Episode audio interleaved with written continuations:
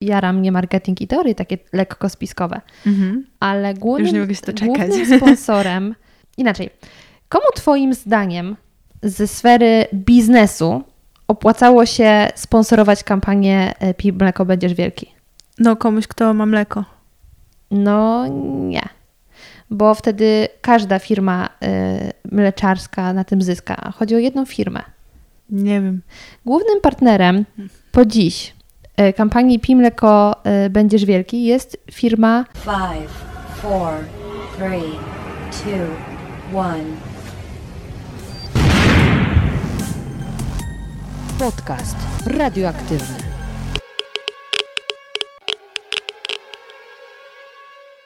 Moi drodzy, mam nadzieję, że dzisiejszy podcast zmieni nieco Wasze spojrzenie na wszelkie nowinki dotyczące diet, zdrowego odżywiania, e, tego, co jest zdrowe, co niezdrowe, co wolno jeść, czego nie wolno jeść.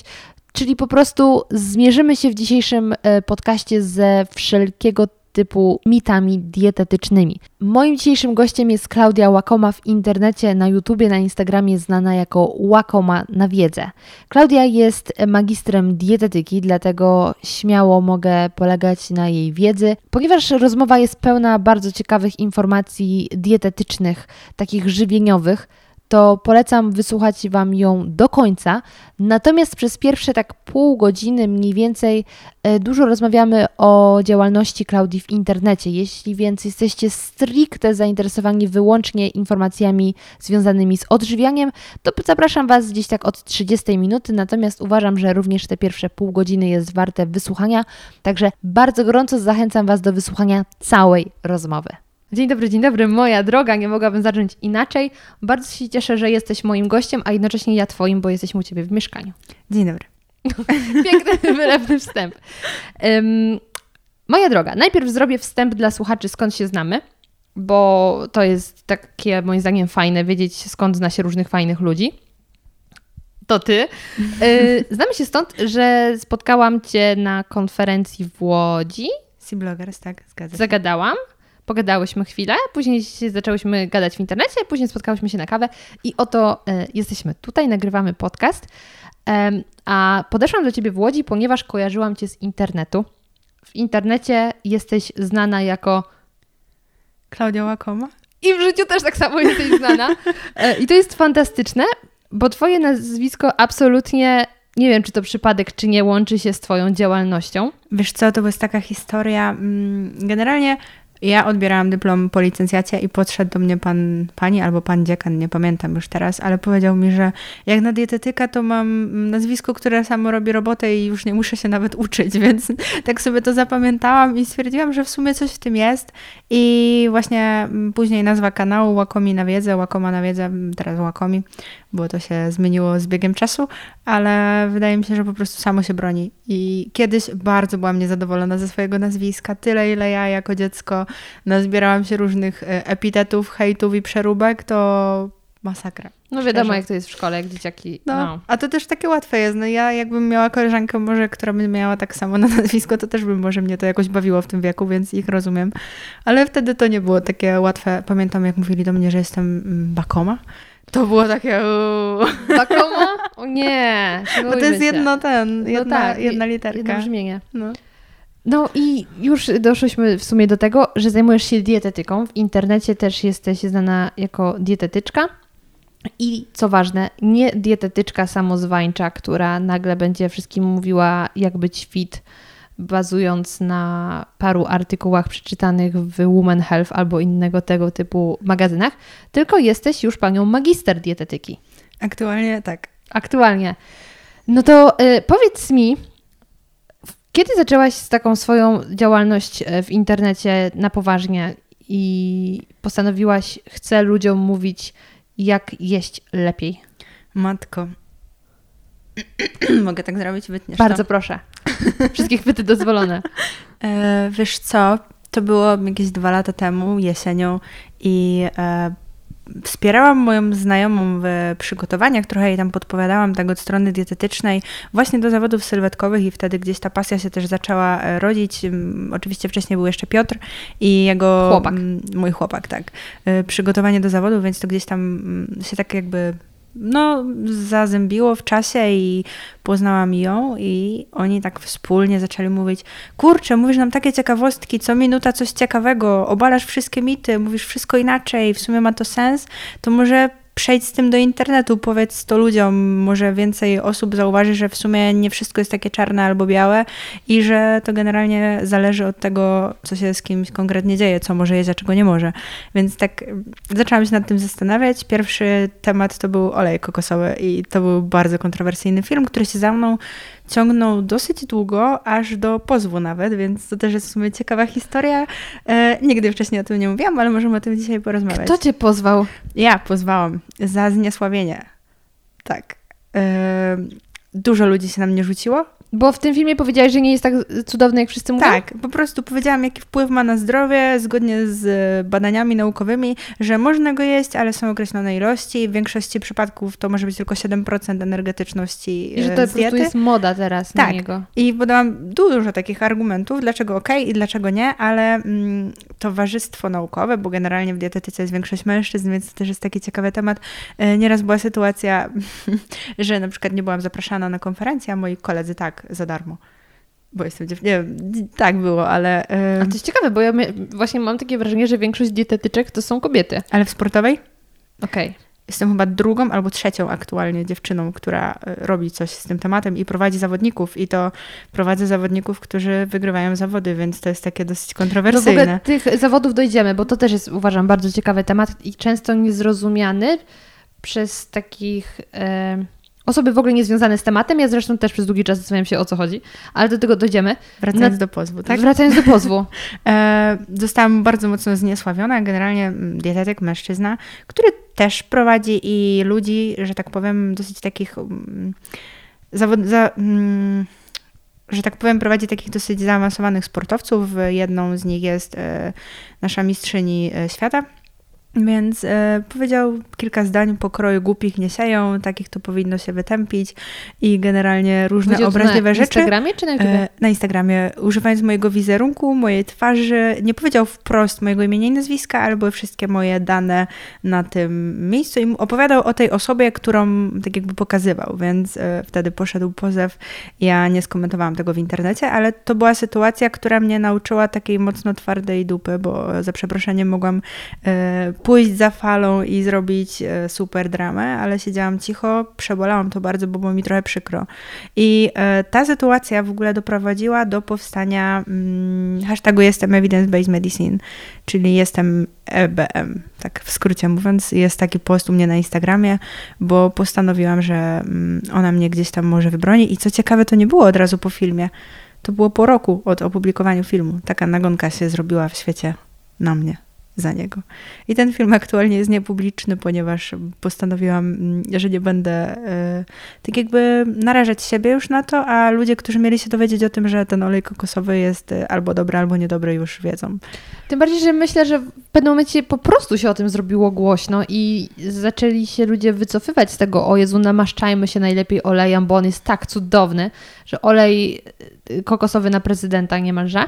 E, I faktycznie w pewnym momencie był taki odwrót. Ej, słuchajcie, to chyba była moda, jednak umiar. Tak jak nasiona tak. chia, nie? Ale Tak. to, to do mitów też dojdziemy za moment. Em, no to start miałaś dość hardkorowy, ale przynajmniej Od razu. od razu zrobiło się tobie było. głośno.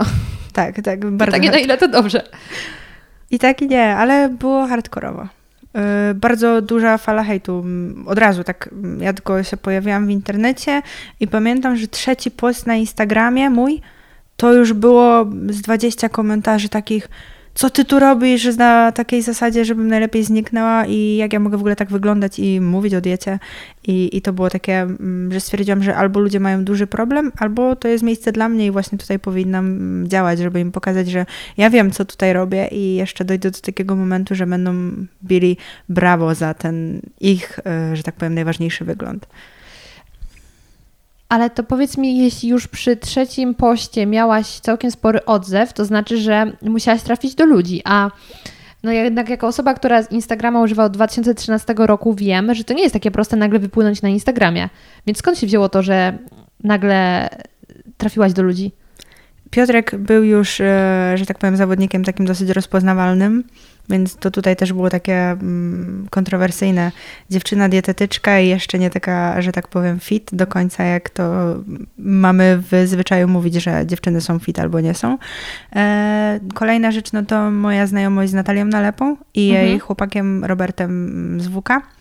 To oni też gdzieś tak, no to oni właśnie się przyczynili do tego, że się pojawiłam w internecie, więc tutaj im zawdzięczam to, że zaczęłam być e, jakaś taka, nie wiem, czy można tak powiedzieć, ale rozpoznawalna ta, na tamte czasy. Publiczna. Publiczna, tak. Okej. No to na przestrzeni dwóch lat działalności,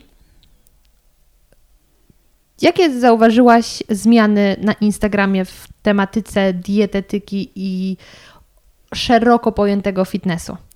Bardzo często widzę taką zależność, że na przykład zwracam na coś uwagę i ludzie zaczynają na to zwracać uwagę i to się dalej szerzy, czyli em, taka bardziej równowaga. Jest też dużo fajnych dietetyków, którzy też promują takie wartości, więc to wspólnie fajnie się integruje i daje taki pozytywny efekt. Wydaje mi się, że nawet powoli robi się to już męczące, e, z mojego punktu widzenia, bo ja bardzo często siadam sobie jako odbiorca i przeglądam mm, różne kanały społecznościowe na temat dietetyczny. E, I wydaje mi się, że to robi się męczące, że wszyscy mówią praktycznie już to samo. Brakuje takiego powiewu świeżości. Mi się wydaje, że na tamte czasy ja byłam tym powiewem takiej świeżości i powiedziałam, nie jest do końca tak, jak wszyscy mówią, jest inaczej, posłuchajmy badań naukowych. Ale wydaje mi się, że po prostu teraz wszędzie się przewija ten sam temat, czyli tak zwany umiar. To jest dobre, ale z drugiej strony mm, bardzo często ma też negatywny przekaz i nakręca do zaburzenia odżywiania. I to też obserwuję, bo robiłam na ten temat badania i widzę, jak niektórzy działają. Wiem, że na przykład e, post kobiety, która mówi, że hej, dzisiaj mam luźny dzień, jem chipsy, wpływa tak, że połowa dziewczyn ma nagle problem z tym, że dlaczego one nie jedzą chipsów i są dalej na przykład grubsze, troszeczkę mają więcej kilogramów i napędza je do zaburzeń odżywiania. Są na to badania już, więc No, temat zaburzeń odżywiania to jest w ogóle bardzo szeroki temat i ja myślę, że to wymaga zupełnie osobnego podcastu. To Tak, dzisiaj tego tak. nie, może nie, ruszamy. poruszajmy. E, Natomiast powiedziałaś, że teraz wszyscy mówią praktycznie to samo, chociaż większość pewnie mówi, a nie do końca nawet praktykuje, tylko dobrze Tak, już tak. niektóre rzeczy mówić i przydałby się powiew świeżości, ale em, czy wydaje Ci się, że może być jakiś nagle odwrót w jakąś inną, znowu dobrą stronę, nie że Mam odwrót jakichś pomysłów. głupot. Naprawdę? Mhm. Ostatnio, e, bo ja mam tak, jak znikam z internetu, to znaczy, że jestem zaczytana w badaniach i nie mam ochoty się tam pojawiać, po prostu siedzę sobie, wiesz, dresy, bluza, e, kaptur na głowie i komputer i czytam po 24 godziny, nawet czasem dziennie, jak się zasiedzę w jakimś badaniu, analizuję. Wyczytałam ostatnio parę nowych ciekawostek, jeszcze nikt o tym u nas e, w Polsce nie mówił, poza granicą się zrobiło głośno, więc myślę, że mm, dam ten powiew świeżości jeszcze zanim... zanim prawdopodobnie zniknę z internetu. Dobrze, no to od razu zostańmy przy tym temacie, bo nagrywamy bardzo na świeżo i ja też e, powiedziałam Ci, że dzisiaj e, piję już trzecią kawę, żeby w nocy nie spać, zmontować podcast, żeby piąt, e, poniedziałek, nie wiem, który jutro jest, 19? Czuję się jak w wiadomościach, jak tak, powiedziałaś. 19 newsy. 19 sierpnia, żeby ten podcast został opublikowany wczoraj. Mhm. Napisałaś post, w którym powiedziałaś, było fajnie, szanuję to, że tutaj byliście razem ze mną, znikam. I, I moja pierwsza reakcja była taka, ej, nie, e, nie zgadzam się. Moim zdaniem pewnie nie ma znaczenia, ale ja się nie zgadzam. Nie zgadzam się dlatego, Dostałam dużo takich manifestów że wczoraj. brakuje w internecie normalnych ludzi. I, i rozmawiałyśmy o tym przy naszym pierwszym spotkaniu. Brakuje normalnych ludzi, takich Brakuje. ludzi, że myślisz, to jest ziom, z którym spokojnie mogłabym pogadać. Nikt taki stylizujący się na e, jakiegoś cool kids. Mhm. Bo takich cool kids jest za dużo w internecie, jak dla mnie. Ja totalnie nie jestem cool kid. Ja też nie. Nie jestem... nie. Nie przemawiają do mnie tacy ludzie tak naprawdę. Tylko ja zawsze jak jestem w internecie, to szukam bardzo dużo takich wartości, które mogę przenieść do swojego życia. Szukam inspiracji, jakichś ciekawych działań, pomysłów. A z drugiej strony nie takich coachów też. Tak. Bo kto tak, żyje? Jak masz deprechę, to masz deprechę. No i coach I to jest coś, co ja pokazuję u siebie. Nie No wiem, czy właśnie. zauważyłaś, że ja jak mam zły dzień, to mówię, hej, mam zły dzień, generalnie e, jest beznadziejnie. Ale mam też dobry i mówię, hej, dzisiaj jest super, to zróbmy coś fajnego, więc I dlaczego Taka jak możesz normalność. teraz internet zostawić? Dlaczego? Co cię doprowadziło do takiej decyzji? Wszyscy czekają na twoje oficjalne e, Stanowisko. stanowisko. Proszę, jesteś rzecznikiem własnego rządu. Ojejku. Mm. Szczerze? Do końca sama nie wiem. Jakoś tak czuję się zmęczona. e, byłam teraz w Paryżu i to był taki wyjazd, e, który mm, inaczej może. Ja mam w sobie bardzo tak dużo takiego artyzmu. I to czasem się przejawia u mnie na Instagramie, jak się, że tak powiem, zapętlę w tym, to piszę posta swoimi słowami, on brzmi tak, jak ja czuję, myślę. E, mam też artyzm pod względem robienia pięknych zdjęć i to nie mówię o zdjęciach sobie czy komuś, tylko, nie wiem, lubię robić zdjęcia kwiatom, drzwiom, na przykład w Paryżu to podziwiałam drzwi, tam jest przepięknie, jeśli chodzi o kolory i różne ramy i w ogóle jara mnie to po prostu. I ja zwracam uwagę na takie pierdoły, że tak powiem, i one mnie cieszą. Gąciarz mówi mikrozachwyt. Mikrozachwyt, tak, tak. To jest coś takiego, więc e, no mam w sobie ten artyzm i trochę jest mi ciężko e, z nim funkcjonować w internecie, bo on jest bardzo często źle odbierany przez takich, mm, a zabrzmi to negatywnie, ale prostych ludzi. E, I ja pokazuję rzeczy w taki inny sposób. Tak ja to często mm, widzę, że pokazuję to tak, jak ja to czuję i chciałabym to w jakiś sposób gdzieś tam przekazać, ale mm, wiem, że ludziom się to do końca nie podoba, a też jestem na tyle, że tak powiem, dumna z tego, jaką drogę przebyłam i poznałam swoją wartość, bo na początku, kiedy wchodziłam w świat internetu, ona była mocno zachwiana i nie mam ochoty po prostu tego czytać na swój temat. Tak jakby wiesz, na ulicy nikt do mnie nie podejdzie i nie powie mi, jesteś taka siaka i owaka, nie powie mi e, epopei na temat mojej rodziny albo swoich domysłów na temat, nie wiem, mojego psa, bo ludzie też do mnie piszą, jak nie pokazuję psa, co zrobiłaś z psem, nie żyje. Rozumiesz? To jest po prostu Żyję, widziałam. Macie dowód. W sensie ja jestem świadkiem. Ale zdarzają się takie wiadomości i to jest po prostu męczące. Ja mam taki charakter, że nie wiem, siadam sobie w parku i się zachwycam zielenią, a ktoś mi pisze taką wiadomość, to mnie to po prostu wtedy rozwala. I psuje mi humor, nie ukrywajmy. Jak przeczytasz jakąś głupotę, to to psuje humor. Nawet jak jesteś świadomą kobietą i znasz swoją wartość, wiesz czego chcesz, to i tak jak przeczytasz głupotę, to ta głupota na jakiś czas w tobie zostaje.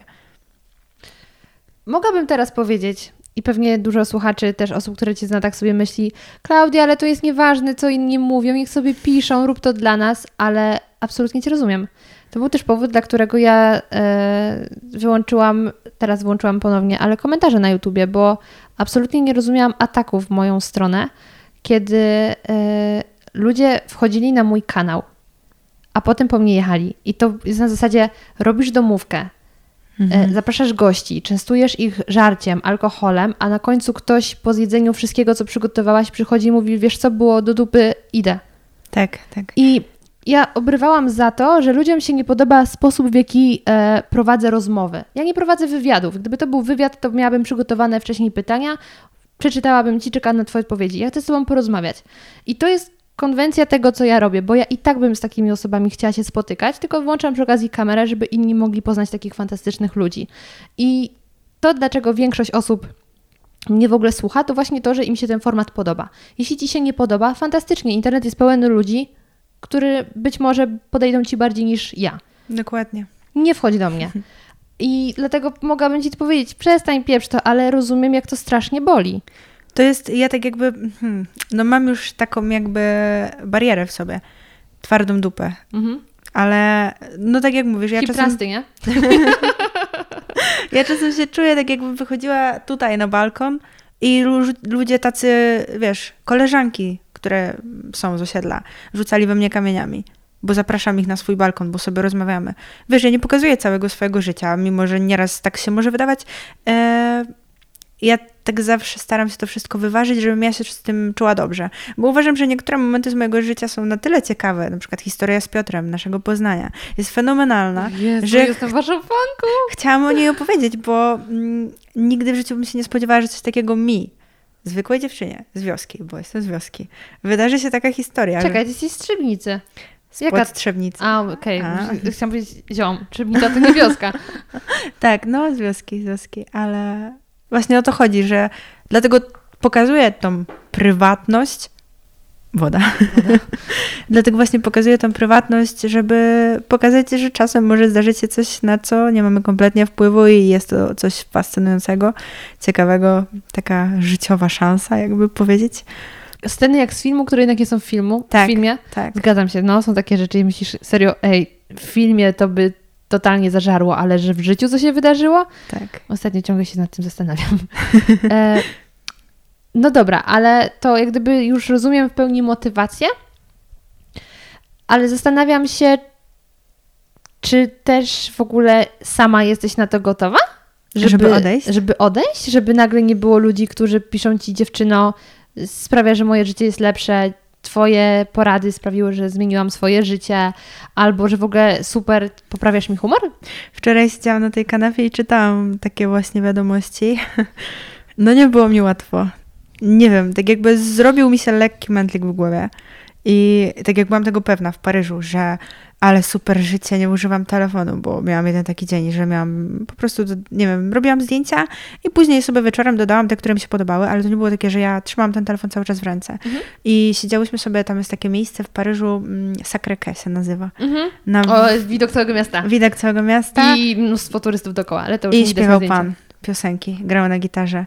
I to był taki moment, że ja się czułam tak, że żyję, wiesz o co chodzi. Ten moment. Ten... I wtedy zrozumiałam, że to jest to, czego mi brakuje w życiu, takiego czerpania z tego wszystkiego i nie zastanawiania się, czy ktoś mi, bo są takie sytuacje, zrobi aktualnie zdjęcie, czy ktoś mi podejdzie i powie coś em, miłego czy niemiłego, różne rzeczy się zdarzają, albo czy ktoś na mnie nie patrzy i nie obserwuje, jak ja się zachowuję. Mm, Ja mieszkam we Wrocławiu. E, 50% osób, które mnie obserwują na Instagramie, to są osoby z Wrocławia. Serio? Tak. Wow. Więc e, czasem jest to takie dla mnie stresujące. Ja nie czuję się swobodnie i wiem, że na przykład e, wielu ludzi sobie myśli w taki sposób, ona jest dietetykiem, jej nie wypada na przykład, nie wiem, załóżmy wypić wina. Iść na frytki do maka. Ja frytek nie lubię. E, naprawdę. nie, nie lubię frytek. Nie wiem dlaczego. Mój tata na przykład nie lubi pizzy, więc e, się dopełniamy w tym zakresie. Jesteście naprawdę ciekawą rodziną. Myślałam, że to, że podróżujecie jest super, ale nie robisz frytek, to ułatwia życie. Nie, nie, nie lubię, ale lubię McFlary, więc załóżmy, że jem Okej, McFlary. okej. i ktoś mnie na mnie patrzy. I zawsze rozkminiam taką sytuację. Nie mam problemu z tym, żeby zrobić tego zdjęcia i wrzucić do internetu. Ale na przykład nie mam ochoty w tym momencie. Wiesz, jestem z kimś bliskim, jemy to McFlary, siedzimy w parku i ktoś mi cyka foty, bo były takie sytuacje. I zaczyna mnie obrzucać błotem i tworzyć insynuacje, chore historie, że ja mówię takie rzeczy w internecie, ale nigdy nie powiedziałam, że nie można jeść McFlary. Ale ludzie dopowiadają sobie tą historię i nagle wchodzę na Face'a i ktoś mi podsyła. I ja tak mówię, aha, fajnie. I wiesz, to jest coś, co mnie męczy. No bo ludzie tworzą sobie pewien obraz ciebie na podstawie tylko tego, co widzą w internecie i kiedy nie do końca zgadzasz się z wyrobionym jakimiś tam takimi schematami na twój temat, y, założeniami, no to to jest, że to jest ściema. Tylko właśnie ludzie Tak, zapominają, tak. że internet to jest kawałek. Tak. I ja też nie mam obowiązku się dzielić z wszystkim, mimo że i tak pokazuję bardzo dużo e, tego, co jem i tego, co robię i gdzie jestem i co warto zobaczyć, co warto zrobić. Ja też mm, postawiłam sobie taki cel, jakby inspirować ludzi do tego, żeby chcieli żyć. Bo ja miałam taki moment w swoim życiu, że nie miałam chęci. I to jest też taka walka moja właśnie osobista na tym Instagramie, żeby mieć chęć to wszystko robić. I wydaje mi się, że jestem w takim momencie, że jestem tak rozpędzona, że aż ciężko mi się czasem zatrzymać. I to też może kolejny powód, żeby nie dawać sobie tej presji, żeby robić więcej. Na przykład teraz była taka sytuacja, wymyśliliśmy darmową szkołę odchudzania wakacyjną, wysyłaliśmy super moim zdaniem mm, artykuły, przepisy, jakieś porady. Piotrek takie triki treningowe dodawał, były ciekawe, ułatwiały życie i nagle padł nam system. Nie nasza wina, kompletnie, bo my go wykupiliśmy. Szkoła była darmowa. Ale tyle osób tam się zapisało. jak 10 widziałam. tysięcy ponad. I padło. I wiesz, my musieliśmy wyłożyć kolejne pieniądze, żeby to zadziałało, pójść do specjalisty, żeby nam pomógł, bo się okazało, że zrobiliśmy coś nie tak, no ale chcieliśmy to zrobić własnymi rękoma, rękami, nie wiem jak się mówi. Obie formy są poprawne. nie wiem. Powiedziałabym rękoma. Okej. E, No i chcieliśmy to zrobić tak jakby po swojemu, sami, e, wieczorem, na spokojnie, żeby to było takie nasze. Żebyśmy czuli, że robimy coś ważnego, bo chcieliśmy, żeby było to ważne i nagle to pada. I człowiek, wiadomo, że nie każdy, ale kilku z nich, nie pomyśli w taki sposób, że coś poszło nie tak, dajmy im czas to naprawić, tylko nagle dostajesz 200, 300, 400, bo to są takie ilości, to trzeba sobie wyobrazić. 400 osób w ciągu 10 minut do ciebie pisze, hej, mail mi nie przyszedł, nie działa, wy nas oszukaliście, albo jeszcze inne jakieś takie rzeczy. Szukaliście za coś, co jest za darmo. To w ogóle... Tak. Ale tak jest. I to mnie przeraża. Że jakby napisała jedna osoba, dwie, to jest fajne, bo wtedy odpowiesz, ale odpowiedzieć tym wszystkim ludziom i wtedy czujesz takie, kurde, może faktycznie jestem taka beznadziejna, może faktycznie coś znowu nie wyszło, może faktycznie mają rację i to zaczynasz się tak dziwnie ze sobą czuć, mimo że wiesz, że masz świadomość, że to było coś fajnego. Mhm. I nagle tracisz już ten zapał, żeby to robić dalej, mimo że jest naprawione. I tak wiesz. To jest coś, co mnie męczy. I z tym nie umiem sobie poradzić. Z taką presją ludzi, którzy nie potrafią zrozumieć, że jestem jedna, a ich jest prawie 50 tysięcy, jak nie więcej, bo wiem, że dużo osób mnie nie obserwuje, a wie, e, że działam. Nawet moi znajomi mnie nie obserwują, było nawet prosiłam niektórych z nich, żeby przestali. Ale e, tak sobie myślę, że właśnie ludzie często zapominają, że ty działając w internecie na takim poziomie podstawowym, zamieszczając zdjęcia, odpisując im na wiadomości, absolutnie nic z tego nie masz. A Przyjemność, ja jestem altruistą. tak, ale chodzi mi o e, materialne rzeczy, To tak, no to nie. bo Zresztą to jest też ciekawe, ja nie przyjmowałam do tego roku, tego, tych wakacji. Czyli dwa lata działałam w internecie i nie przyjmowałam żadnych barterów, żadnych współprac, nic. Zawsze odmawiałam, bo tak jakby nie odnajdywałam się w ogóle w tym schemacie. Mhm. Nie czułam tego i to też w sumie racja, że nic z tego nie miałam, dopóki nie zaczęłam być dietetykiem na pełen etat.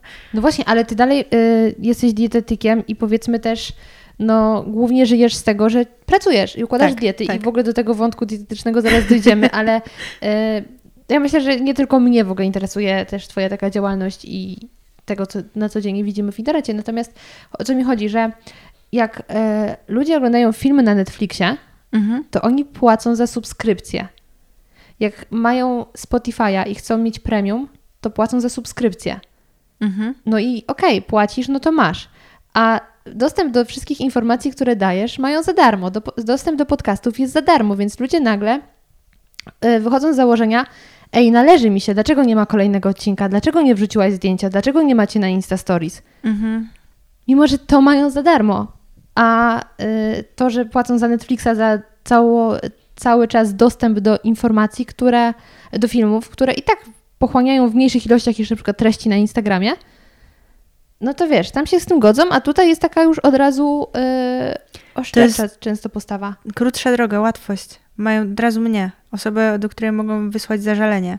I tak jakby ja to rozumiem. Tylko ja na przykład, e, to jest też ciekawy eksperyment, który aktualnie wykonuję, założyłam sobie profil prywatny na Instagramie, mm, bo ten, który jest aktualnie, że tak powiem, dietetyczny, znany z tego, że jest dietetyczny, był też kiedyś moim prywatnym. Mhm. No ale teraz mam drugi. Prywatny, na którym obserwuje mnie, czekaj, 30 osób? Jestem tam. I ja obserwuję gdzieś z 30 osób mm, i dodaję tam foteczki też. Takie, które mam ochotę po twoim chwili. Czy to jest pierwsza w nocy? Nawet bez tak jak, hashtagów chyba, nie? tak, nic tam nie dodaję. Kwiatuszek ostatnio poszedł. Więc robię eksperyment i oglądam sobie jako użytkownik. Bo tak jakby czuję się tam anonimowo trochę. Wchodzę sobie na profile ludzi, którzy mnie inspirują od zawsze. Oglądam. I nawet jak mnie ten ktoś zdenerwuje albo zrobi coś nie tak, ja nawet nie pomyślę o tym, żeby coś do niego złego napisać. Wręcz mam nawet ochotę napisać, spoko, nie przejmuj się, takie jest życie, za tydzień ci wyjdzie lepiej, albo mm, olej tą pracę, weź odpocznij, może jesteś zmęczony. Bardziej mam takie myśli, bardziej ludzkie mi się wydaje. I dziwi mnie to, że ludzie potrafią do mnie pisać takie zażalenia rzeczy, takie pretensje mieć wieczne, bo ja średnio codziennie spotykam się z tymi pretensjami. Jakbyś teraz wzięła sobie mój Instagram do ręki i wiadomości od ludzi, to oczywiście jest tam pełno miłych, ale no średnio tak 20, może 30 dziennie to są jakieś pretensje o coś. Jakieś takie nieprzyjemne. Taki feedback nieprzyjemny. I to mnie tak rozwala wewnętrznie, No, na dłuższą bo ja metę. nie potrafię tego zrozumieć. Jak oni tak mogą funkcjonować? No dobra, czyli załóżmy, że znikasz z internetu. No. No bo powiedzmy, na razie plan jest taki, że znikasz. Em, czy właśnie znikasz z internetu, czy znikasz z Instagrama i na przykład zostawiasz sobie YouTube'a i tylko działasz tam, ale bez opcji kontaktu z tobą za pośrednictwem Face'a i Instagrama, czy to jest... e, YouTube zostaje, I będzie dalej publikowany? ale trochę inaczej. Okej, ale jest. Mhm. Czyli jak gdyby jesteś w internecie. Ale nie na wyciągnięcie ręki. Tak, Wiesz o co chodzi? wiem. Że... I to jest, kurde, mądre. Bo E, Instagram bardzo skrócił dystans. Bardzo, bo ja tak jakby rozumiem to, że ludzie traktują mnie bardzo często jak koleżankę. Jak już mnie obserwują rok czy dwa lata, no to tak jakby ja też mam takie relacje, że obserwuję jakąś dziewczynę, która ma, nie wiem, pół miliona i piszę do niej od dawna, na przykład super coś tam, nie wiem, wiadomo, same pozytywne rzeczy, bo ja takim też styl bycia, że rzadko mi się zdarza coś negatywnego komuś powiedzieć, e, to też się czuję, jakby to była moja koleżanka i ja tego nie ukrywam i też to rozumiem, ale to skraca bardzo dystans, skraca drogę, I czasem jest bardzo nieprzyjemne, bo nawet nieraz człowiek nie odważyłby się w życiu prywatnym zwrócić komuś na coś uwagi, powiedzieć. Oczywiście ma do tego prawo i fajnie by było, jakby to mówił, ale może zrobiłby to w bardziej przyjemny sposób niż e, na taką, jakby to powiedzieć, no, internetową drogą, tak? I ja nieraz potrafię tak odpisać, e, że ludzie mi piszą w sumie przepraszam. O, nie powinno tak cudowne. tak zabrzmieć. Bo ja bardzo często zwracam ludziom uwagę, że przepraszam, ale nie znamy się na tyle, żebyś mógł do mnie pisać w taki sposób. I trochę mi tu włacza. I wtedy słyszę przepraszam. I to jest piękne, że ci ludzie potrafią zrozumieć, że w sumie może napisali coś, co zabrzmiało. Nie wiem, czy to można przeklinać, chyba nie, ale. Można, dajesz. Chujowo. No to jeśli tak zabrzmiało, to rozumiem. No, no, to jest takie coś, co mnie. Ale może jeśli miałabym zostać, załóżmy na tym Instagramie, to na innych zasadach. I ja się nie dziwię niektórym ludziom, e, bo obserwuję takie trzy dziewczyny, które od pół roku nie odpowiadają na wiadomości.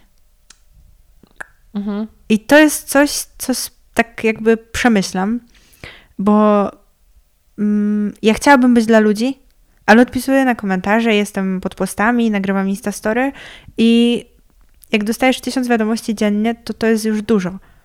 I nawet wiem, że niektóre osoby, bo rozmawiałam, bo tak jakby znam ludzi, którzy działają w internecie, mają osoby do odpisywania wiadomości.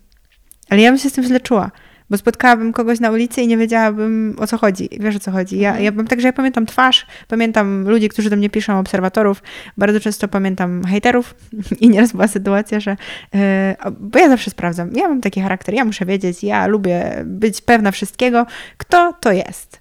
Jak mi ktoś pisze. I była sytuacja, był pan, miał żonę na zdjęciach, piękna kobieta. No, może powiedzmy, że wtedy miała figurę podobną do mojej, więc nie wiem, dlaczego on się zdecydował mnie obrażać, ale obrażał mnie pod postem i to tak bardzo negatywnie. Ja weszłam do niego, weszłam, wszedłam, weszłam, cholera. Weszłam. weszłam na jej profil i tak jakby wysłałam screeny tej żonie, tego, co ten pan mi pisał.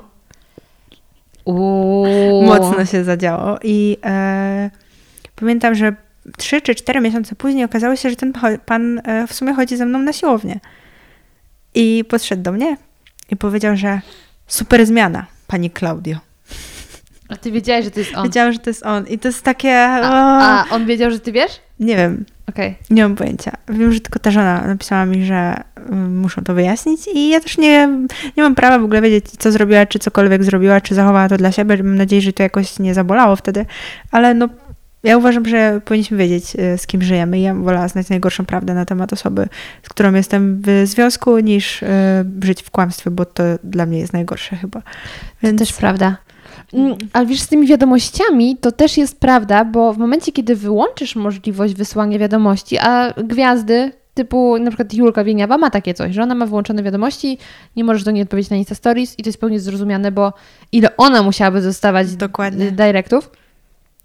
A w momencie, kiedy tę opcję wyłączysz, to przynajmniej nie będzie sytuacji, kiedy ktoś na ciebie, do ciebie napisał, a potem czuje się obrażony, że nie odpisałaś, bo nawet jeśli ktoś wie, że masz dużo obserwatorów, to gdzieś tam z tyłu głowy ma taką myśl, że kurde, fajnie jakby odpisała, że może odpiszę. Wiem. Więc to faktycznie może być dobre rozwiązanie. To jest też taka presja, którą ja czuję. Że, że mhm. chciałabym odpisać, bo wiem, jak się czuje osoba, która czeka na wiadomość. A czasem po prostu nie masz albo już siły, Albo czasem jest coś głupiego na Instastory i mam, nie wiem, 100 wiadomości, ha, ha, ha. No. I taka ważna wiadomość spada na dół. I ja nawet, to nie ma szans, żebym czasem się do nich dokopała. Nie wiem, co był się, w ogóle mój Instagram to czasem kasuje wiadomości, bo już jest ich bo tam tak dużo. za długo leżały. I ja czasem mhm. na przykład, wydaje mi się, że nic, tak jakby nie mam nowego, odpisałam na wszystko, po czym nagle ktoś mi odpowiada i okazuje się, że tam u góry jest wiadomość. Że on już kiedyś do mnie pisał i ja dopiero teraz jestem w stanie to przeczytać. No, to jest taki temat trudny moim zdaniem. Jest ta presja. O jest. Jezu, Bo ja źle się czuję. wiem. Ja się źle czuję, Znam jak nie to. odpiszę. I jest mi wstyd, jak nie mam jak odpisać, i bo tak jakby ja strasznie chcę szanować ludzi, tak jak... Poświęcił czas. Tak, poświęcił Mhm. czas, żeby coś napisać. Nieraz jest tak, że ja coś przeżywam emocjonalnego na tym Instagramie i mówię o tym i opowiadam i ten ktoś poświęcił czas, żeby mi napisać albo, że to jest dobre, albo, że fajnie, albo, że nie wiem, że się z tym utożsamia, albo, że dałam mu siłę do czegoś. No super by było na coś takiego odpowiedzieć i tak jakby pokazać, że też jestem, bo ja chcę być. Ale to jest tak czasem przytłaczające. Nie wiem. Może ta platforma powinna wyglądać inaczej. Może to jest wina platformy. Może to jest wina Instagrama. Myślę, wygląda. że jak powiedziałaś, to jest wina platformy, to Zaraz mi usuną konto na nie, Insta. to w tym kraju może być to różnie odebrane. Bo zawsze jest e, wina platformy albo jej przeciwników. W każdym razie, no na pewno em, Instagram nie jest idealny i zarówno pod kątem twórców, jak i użytkowników, bo temat, który już gdzieś tam e, wybrzmiał i do którego myślę powoli będziemy też wracać, bo e, skierujemy się znowu w stronę dietetyki i tego fitnessu, no to właśnie ci użytkownicy, że jest tyle kont, gdzie ludzie pokazują niestety e, to, o czym mówiłaś, że to się często dzieje, że jedno się pokazuje w internecie, a drugie się robi. I dlatego jak ktoś widzi z McFlary, to myśli sobie, o Boże, ona nas okłamuje. Ale niestety jest wiele takich kont, gdzie faktycznie ludzie tak działają. I ci użytkownicy, no, mają często mętlik w głowie. I ja nawet, e, ja kiedyś sama uważałam się za blogerkę kulinarną, zresztą miałam bloga, e, ale nigdy nie byłam wystarczająco duża, żeby to kogokolwiek obchodziło. Natomiast moje koleżanki, które e, gdzieś tam się wybiły na temacie fitnessu, jedzenia i tak dalej, no to czasem jak ja widzę, jakie gówno burze w komentarzach e, się pojawiają, kiedy dziewczyna je lody, Mhm. przez to, że u innych ktoś się naoglądał, że lody są złe. Tak. I musi być tkanka tłuszczowa na poziomie 7% u kobiet, co jest w ogóle jakąś abstrakcją. I, I ludzie się gubią, bo się zastanawiają, to komu ja mam wierzyć. Mhm. Więc absolutnie, no, jest to bardzo trudna i niewłaściwie uży, używana, niszcząca e, platforma. Ja mam znajomych, e, którzy przerażają mnie czasem swoją działalnością. Mnie w kontekście tego, że jestem dietetykiem, tak? Nie jestem fit gwiazdą, nie jestem osobą, która ma super sylwetkę, taką, wiesz, dociętą, kształtną, mm, która by inspirowała innych ludzi do tego, Moim żeby zdaniem masz. Po prostu masz kobiecą, normalną sylwetkę, a nie masz odciętej jak... e, wyżelonej. No, która nie wszystkim się podoba. Takie zaskoczenie. No ale tak przejdźmy do tego stereotypu. Co Mhm. nie jest taka kobieta, która tak super wygląda. I mam takie znajome, nie chcę o nich mówić źle, ale zdarzały się sytuacje, że siedzieliśmy, jedliśmy pizzę. Na moim Instagramie na story pojawiała się pizza, a u nich na Instagramie pojawiała się cola zero. Rozumiesz? Jesteśmy przy tym samym stole. Okej. Obserwacja moja wygląda następująco. Coś tu jest nie tak. Promujemy złe wartości, bo pizza nie jest tragiczna, nie jest czymś tragicznie złym. Można sobie raz w miesiącu zjeść pizzę ze znajomymi, samemu upiec albo Powiedz cokolwiek. Włochom raz w miesiącu, to cię wyśmieją. Tak, Także to też no. zależy od kultury. Zresztą kuchnia Absolutnie. włoska, śródziemnomorska, jedna z najzdrowszych. No właśnie. Więc pizza nie jest zła. Tak wiesz o co chodzi. Nie rozumiem, jak można promować takie zachowania, bo one są normalne. do ortoreksji. Tak, one są normalne, jedzą tą pizzę, ale w internecie tworzą taki wizerunek wyidealizowany. Nie umiem nigdy. Wyidealizowany. No właśnie, to, tak, tak. E, to mnie przeraża. I to jest coś, co mnie przeraża, bo ja w tym internecie jestem normalna. Ja w tym internecie nie mam problemu, żeby dodać, że jem McFlary. Nie mam problemu, żeby dodać, że nie wiem, idziemy na szyszę. Też nie mam z tym problemu, bo zdarza się, że chodzimy, bo lubię, tak Bo jak już słyszałaś, e, czekaj, wschodnio, jaką? Południowo-wschodnia? Po- Tak, tak, coś takiego, tą kulturę lubię. Tak. Więc e, mm, no kurczę, ja też w ostatnim czasie bardzo się jaram formami relaksu różnymi. I nie wiem, yoga, jakieś takie rzeczy też mnie kręcą. I chodzi mi o to, że ja nie mam problemu, żeby pokazać wszystko, co robię. Bo tak jakby pokazuje, że jesteśmy normalnymi ludźmi. e, To nie jest jakby dieta, mm, nie jest czymś takim, że to ma być, ym, że ty musisz to robić, tylko to ma być dla ciebie. Robić styl życia. Tak, to ma być coś, co będzie z tobą na zawsze i czy ty zjesz tą pizzę, czy wypijesz dzisiaj koktajl z kefirem, czy zjesz borówki, czy orzechy włoskie, czy awokado, a czy posypiesz dzisiaj akurat e, gołdą, czy parmezanem, też nie ma większego znaczenia w perspektywie tego, żebyś pamiętał jednak, że ten parmezan ma więcej wapnia, tak? I żeby częściej jednak sięgać po parmezan, ale I jeśli chociażby tą rzecz wyniesiecie, drodzy słuchacze, z dzisiejszego podcastu, to wasze życie będzie lepsze. Parmezan ma więcej wapnia.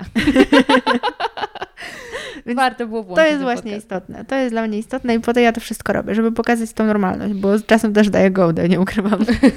No trzeba też dbać o budżet, nie? tak. No właśnie, także ojejku. Ja teraz zrobię taki, e, takie wyjście z szafy, że w ogóle na temat zaburzeń odżywiania na pewno będzie dodatkowy podcast. I ja myślę, że to Czuję jest... się zaproszona. You go girl! Totalnie, no absolutnie, bo wydaje mi się, że to jest w ogóle temat i e, ja się z tym absolutnie nie zgadzam, e, zbagatelizowany w internecie, bo o tym niby wszyscy mówią, ale moim zdaniem mówią od dupy strony, że tak brzydko powiem. Zgadzam się z tym. Ja A mam... ci, którzy już to poruszają, gadają absolutne głupoty i osoba, która ma taki problem, posłucha takiej specjalistki, nie chcę też... Powiem Ci hit. Bardzo często osoby, które mówią o zaburzeniach odżywiania w internecie, mają bardzo duże zaburzenia odżywiania w internecie. I jak to zabrzmiało. W sensie mają bardzo duże zaburzenia odżywiania dalej. I mówią o tym, bo to jest dla nich forma autoterapii. Mhm. One o tym mówią dlatego, żeby pokazać, jestem silna, ale to nieprawda. Najczęściej nie. I ja wiem, bo pracuję z tymi ludźmi i nawet niektórzy mm, ludzie nie wiedzą o tym, że ja z kimś pracuję, bo ja nie zawsze mówię, hej, prowadzę tą dziewczynę tą, bo ma zaburzenie odżywiania. Ta osoba, żebym ja powiedziała, że z kimś pracuję, musi wyrazić na to zgodę z moim pacjentem. Ja jako dietetyk nie mam prawa mówić o jej sytuacji medycznej, psychicznej i tak dalej w internecie, dopóki ona mi na to nie pozwoli, o ile w ogóle pozwoli. Więc jest mnóstwo dziewczyn, z którymi ja pracuję i nikt o tym nie wie. I wiem, jak to wygląda od drugiej strony. One o tym nie mówią. One nieraz wchodzę na przykład na relację mojej pacjentki, która jest znana jako gwiazda fitnessu w internecie i opowiada o tym, że jak nie mieć zaburzeń odżywiania, a wiem, że straszne ma. I to mnie przeraża. I ja z nią później o tym Dokładnie. rozmawiam i ona mi mówi, bo ja poczułam się wtedy stabilniej, mówiąc o tym. Albo Poczułam jest się jej lepiej. głupio się przyznać, że dalej je ma. Tak. Dlatego totalnie ten temat będzie na pewno e, poruszany i ja chcę to zrobić porządnie. E, to jest akurat mój pr- projekt na jesień 2019, 2K19, pocztówka z Warszawy. E, no, bo moim zdaniem ludzie zasłużyli na to, żeby wreszcie to wziąć od dobrej strony, bo nikt tego porządnie nie zrobił. Zgadzam się z tym. Ja próbowałam. High five. Próbowałam, jest to trudne. Jest. No, jak sam w ogóle temat. Tak. Tak. Dobrze, ale przejdźmy teraz do dietetyki dla osób jednak zdrowych psychicznie. Och, słucham. E, żadnych tutaj zaburzeń. Em, jakie Twoim zdaniem są obecnie e, największe mity, które wciąż panują w tematce dietetyki? Wiem, temat rzeka. Mamy Mm, czas. Mamy czas. Że napoje zero są niezdrowe. To jest coś, co mnie tak wnerwia. Że to napoje zero są niezdrowe? Że to Tak. jest mit? Tak. Wiesz, ile ludzi to teraz powiela? Na każdej grupie wszyscy hejtują to, że ktoś pije kole zero. A to nie jest prawda. Kwestia, kole zero. kwestia ilości. Kwestia ilości jak zawsze. A ilość duża to już jest ile? Mm, Wykąpać byś się w tym musiała. Fujka. E, Dygresja, wiadomo, dygresje muszą być. E, pasta do zębów o smaku Coca-Coli. To jest dla mnie tłumacz. Nie miałam okazji spróbować. Robi się je dla dzieci często, pasty Poważnie? zębów o smaku Coca-Coli. To jest takie, kto do cholery na to wpadł? Jaki to musi być przyjemne niby uczucie mieć Coca-Colę w zębach? Dzieci chyba lubią. No właśnie nie W wiem. ogóle taka dygresja mi się przypomniała, jak byłam dzieckiem, nie wiem, czy ty miałaś taką sposobność, ale e, picie coli e, z lodami w środku, to się nazywało bolek i lolek. to się nazywało Bolek i Lolek. What? Nie wiem, babcia nam to robiła. Kochana babcia, moja babcia za to była cool babcią, ponieważ do dzisiaj pracuje, ale wtedy też była zapracowaną babcią, więc jak zabierała nas na przykład ze szkoły, to zawsze po drodze wpadaliśmy do pizzerii, braliśmy pizzę na wynos i obiad u babci to była pizza. Także my jedliśmy pierogi ruskie. Okej, Stąd u moja mojej miłość. drugiej babci były pierogi ruskie, a u tej była pizza, także widzę, że obie nasze babcie miały fantazję. Tak, tak. Babcia to babcia. Tego jej się nie zabierze. A czy twoja babcia, nie wiem, robiła też czasem ci zapiekanki takie w zapiekaczu? Nie. Okej, bo moja babcia nie wiem dlaczego pakowała do nich ketchup. I ketchup na ciepło to jest w ogóle zło. Story of my life. Wróćmy do tych y, napojów, że nie są wcale szkodliwe. Nie, musiałabyś naprawdę bardzo dużo ich wypić. Na pewno będą lepsze niż e, zwykła kola.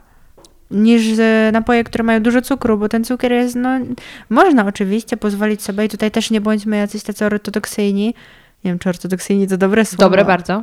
Ale chodzi mi o to, że można pić też kolę zwykłą. Tylko mm, trzeba wiedzieć jak. I kiedy. Z butelki czy ze szklanki? O której raczej i do jakiego posiłku. Okej, to jak powinno Raczej być? do obiadu. Mm, W sensie to jest posiłek najczęściej, który ma najwięcej białka na stole Polaków. A nie śniadanie? Śniadanie najwięcej białka. No jajka, Wydaje mi się, że większość je kanapkę. węgla, Tak analizując e, jadłospisy ludzi, drożdżówka. większość je kanapkę albo nie je wcale, ewentualnie płatki śniadaniowe. To tak Mhm. najczęściej mi się zdarzało w analizach. Natomiast na obiad zawsze masz tego schabowego kotleta, e, kurczaka, Rybę. czy jajko sadzone, tak mniej więcej to Mhm. gdzieś wyglądało. Więc no to będzie najlepszy posiłek ze względu na to białko. Ale jeżeli mamy na śniadanie twarożek, to też może być szklanka coli. Fujka, kola do śniadania. A, nie. Ale chodzi mi o to, żeby po prostu, mm, żeby podawać sobie, mm, że tak powiem, glukozę, czyli cukier, e, podawać glukozę, raczej cukier, no. To taki mm, szybka e, dygresja. Tak, skrót myślowy bardziej niż poprawność merytoryczna, ale e, chodzi mi o to... Możesz. Dziękuję. Ale, ale chodzi mi o to, że właśnie e, trzeba zwracać na to uwagę, żeby było to, było to białko w posiłku. I wtedy można na luzie sobie wypić tą szklankę coli. To nie jest jakieś super, ale jeżeli ktoś dzięki temu, że będzie miał szklankę coli, którą kocha ubóstwia, życie, smak jest dla niego, wiesz, no ma orgazm kubków Comfort food. smakowych, jak pije tą kolę, może ją pić. Codziennie. Mam pacjentów, którzy codziennie piją whisky z kolą na wieczór do kolacji i jedzą steka. I też może tak być, tylko chodzi o to, żeby wiedzieć, jak to zrobić. I po to jest właśnie potrzebny dietetyk, żeby on wiedział, jak to zrobić. Okej, ale to teraz mam pytanie. Słucham. I y, może zaraz mi powiesz, że to mit, tylko z drugiej strony ja też mam swoją dietetyczkę i ona powiedziała, że tak jest najlepiej. Żeby faktycznie y, stosować w miarę możliwości dietę rozdzielną. Że jednak węgle y, nie łączymy z białkiem, czy czekaj, węgli Mhm. łączy, czy, czy, Argument, który mogę obalić. Dlaczego? Wiesz co, nie wiem, czy to jest kwestia, że to jest łatwiejsze do strawienia i przy niektórych e, układach trawiennych to powinno być. Czy to jest w ogóle kwestia akurat, nie wiem, może mojego Hashimoto, ale ona mi zaleciła, ona też jest klinicznym. Odpowiadając na pytanie, jak masz, e, załóżmy, ryż, on też ma węglowodany białko. No tak, no ale inne proporcje, nie? Tak, ale to też wtedy wchodzi razem do przewodu pokarmowego. Nigdy nie jest tak, że nie ma białka w posiłku. Nie, no wiadomo, Musiałabyś tylko chodzi o ilość, nie? Znaczy, generalnie szczerze ci powiem, to tak nie działa. Nie ma Okej. znaczenia, najmniejszego. W kontekście nawet e, jelit, e, posiłki, które są zbilansowane i mają i białko, i węglowodany, będą lepsze, ponieważ e, to po prostu będzie w nich błonnik, będzie... W... Chodzi o to, że mm, problem pojawia się w momencie, kiedy my coś jemy, na przykład jemy białko i nie ma błonnika. I my na przykład wtedy bardzo mm, możemy sprawić e, taką negatywną reakcją, będą wzdęcia, gazy i tak dalej. I człowiek sobie nie zdaje sprawy z tego, że może za dużo je mm, białka, e, a za mało błonnika, tylko raczej na przykład będzie szukał, wiesz, tak jak ludzie szukają w różnych dziwnych miejscach. Typu dieta bezglutenowa, może nabiał, może to ta kawa albo coś, ale nie przeanalizują całej struktury. Bo w dietetyce najważniejsze są proporcje. Najważniejsza jest ilość e, tego do tego albo do tego i jak to się na siebie oddziałuje i jak to jeszcze wpływa na organizm. Nie ma czegoś takiego, że jedna rzecz ma znaczenie. To wszystko musi mieć znaczenie, wszystko tak jakby wpływa. Holistyczne podejście. Tak, tak, ale wracając do tych e, rozdzielań, to tak samo jak z e, grupami krwi. Nie ma czegoś takiego jak dieta dla grupy krwi. Totalnie nie I ma. tego nie da się obalić. Znaczy, da się obalić, bo mm, są na to argumenty, ale argumenty, które mm, sprawiają, że ty chcesz w to wierzyć, są na tyle beznadziejne i na tyle mało tak jakby sensowne, że wiesz, no ciężko obalić coś, co nie jest sensowne. W sensie, ciężko obalić coś, co nie ma sensu. O. Roz- Bo Rozumiesz, o co nawet nie wiadomo, od której strony się to zabrać. Tak, nawet jak masz coś czarne, to ciężko ci obalić, że to jest czarne. W sensie ciężko ci wykazać, no jest czarne, no po prostu jest czarne. Okej. No, to, to nie wiem. Tak jakby to jest często trudne w dietetyce, że powstają różne mity, powstają różne teorie, powstają różne mm, jakieś zachowania, różne jakieś takie zwyczaje żywieniowe. Ktoś to promuje, nie wiadomo dlaczego często, i ludzie w to wierzą i ich wiara jest na tyle silna, że argument który jest sensowny, który jest poparty badaniami naukowymi, nie działa. I to jest coś, co mnie zawsze tak frust- frustruje mocno. Mhm. Nie wiem, jak się zachowywać w takich sytuacjach, bo znaczy wiem, że już nie przegadam ludziom bardzo często i też nie chcę się produkować, bo jeżeli to sprawia, że jeżeli ktoś wierzy, że olej kokosowy jest spoko i dzięki temu, że on wierzy, że olej kokosowy jest spoko, reszta jego diety jest w miarę okej i zaczyna jeść zdrowo, bo go ten olej kokosowy przekonał, to dla mnie ten olej kokosowy jest wybawieniem w takiej sytuacji. Wiesz o co chodzi? I nie Plus- mogę mu powiedzieć, nie, nie, może pan jeść oleju kokosowego, bo on wtedy rzuci najczęściej tak jest tą dietę, bo stwierdzi, że w sumie to już nic nie ma sensu. Plus y, to też badania i nauka pokazuje, jak mocny jest efekt placebo. Tak, tak, Placebo tak. jest w ogóle super. Tak, tak, placebo jest super. W ogóle siła podświadomości jest mega, Przekonaj, mega no. ważna. W IBS-ie temat ostatnio taki hitowy bardzo. Czy to jest Problemy z brzuchem Tak. mm, albo jelito drażliwe? To Tak, dokładnie. Zespół. Może być e, mieszany, może być zaparcowy, biegunkowy, są trzy typy. E, oj, powiem Ci, że ciekawe badania wychodzą na temat umysłu i wpływu na to jelita. Przecież podobno w ogóle nasz humor bierze się z jelit. I ja w to bardzo mocno wierzę akurat. Jest, pisałam na ten temat pracę, na temat wpływu bakterii, generalnie mamy coś takiego, że mamy bakterie, które produkują sobie różne, mm, jakby to powiedzieć tak zrozumiale, różne substancje, które przechodzą różnymi drogami neuronowymi i tak dalej, e, czy na przykład pobudzają jakieś e, narządy do wydzielania jakichś konkretnych hormonów, no różne tam są mechanizmy i przechodzą właśnie e, i tak jakby rozprzestrzeniają się po całym ciele, tak obrazowo bardzo mówiąc, ale mają niesamowity wpływ. I to nie jest tylko tak, że my wpływamy na to, co jest w brzuchu, tylko brzuch też wpływa na to. Wszystko jest takie połączone. No, organizm jest- tak złożonym, że to w ogóle wszystko działa. To jest To jest niesamowite. takie fascynujące. Ludzki bardzo. organizm jest super. Tak, tak. Em, taki mit, który, mm, który mimo wszystko podświadomie mocno we mnie rezonował i ja się też w pewnym momencie sama zaczęłam gubić, bo w ogóle e, taki zrobię trochę tło. Ja zanim zaczęłam się zdrowo odżywiać w moim życiu, to przeszłam przez dietę Dukana, tylko brawo, na pierwszym etapie byłam przez dwa miesiące, a nie przez dwa tygodnie, bo wiadomo, do odcinę. Więc ogólnie zaczęłam zdrowe odżywianie od dupy strony, czyli najpierw zaczęłam od bardzo niezdrowego, kiedy chciałam schudnąć, a później trafiłam na taką e, książkę Dieta 16-dniowa. Mhm. I to była spoko książka. Tak naprawdę to było sprzedane podstawy zdrowego odżywiania, że były cztery etapy po 16 dni. To był jakiś rok 2014, 13, dawno temu. Pięć lat temu. No, nawet dawniej. No dawniej. nie wiem, no, 5 lat temu to ja już właśnie się do Warszawy przeprowadziłam i to były inne czasy, ale tak, no miałam gdzieś 17 lat, to z 7 lat temu. E, I wtedy jeszcze się nie mówiło o tyle o zdrowym odżywianiu, właściwie nie było w ogóle informacji. Także dopiero Ewa Chodakowska gdzieś tam zaczęła na horyzoncie się pojawiać. E, Ja się tego wszystkiego uczyłam. Ale od początku gdzieś się przejawiał, e, pojawiał temat jajek i tego cholesterolu, że nie Mhm. można jeść jajek. I ja też później unikałam ich, bo wiadomo, jajka to takie Każdy zło. chyba miał taki etap. O, o chlebie to już w ogóle nie mówmy, nie? Ale do chleba też dojdziemy. A potem e, zrobiłam testy na nietolerancję, wyszło mi też jajka, to je odstawiłam, zauważyłam, że się źle po nich czuję, aż właśnie zgłosiłam się do mojej pani dietetyk, która też była z polecenia.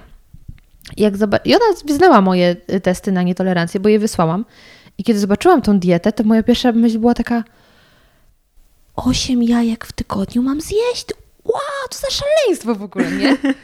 I najpierw się zastanawiałam, jak ja się będę po tym czuć. I to jest niesamowite, że ja teraz jem te jajka z wielką przyjemnością i w ogóle się nie zastanawiałam, ile zjadam jajek w tygodniu, bo ona mi powiedziała, że to jest jeden wielki mit z tymi jajkami, żeby w ogóle się tym nie przejmować i można jeść jajka, jak się podoba. No to już mamy tutaj trzy mity do obalenia. Tak, jajka można jeść e, jak się podoba. Jedyne na co trzeba zwracać uwagę to na to, żeby jeżeli jesz jajka na słono, to żeby były z warzywami, Tak. a jeżeli jesz jajka na słodko, to żeby były owoce jagodowe, ewentualnie kakao, koniec. Mhm. I to jest jedyne, co trzeba zapamiętać, bo mm, zależy nam na tym, żeby mieć ładną skórę, e, ładnie wyglądać i e, nie starzeć się, więc antyoksydanty będą zmniejszać ten... Z warzyw i z owoców. Tak, negatywny, jakiś tam delikatny wpływ jajek na nasz organizm. On nie jest taki duży, jak się demonizuje i e, często się go demonizuje. Tym bardziej, że teraz znowu się w mediach jakieś dwa miesiące temu, trzy, pojawiła informacja, że o jednak tylko cztery jajka w tygodniu. Nie, nie, nie, nie, nie. Kto ma w tym interes, żeby gadać takie rzeczy? Nie wiem. Mm, Znaczy, ja ci powiem tak, historia z życia e, na temat jajek. Mamy profesora we Wrocławiu, bardzo wybitny człowiek, e, lekarz, i on zrobił badanie. Badanie międzynarodowe, robione w różnych ośrodkach, szpitalach.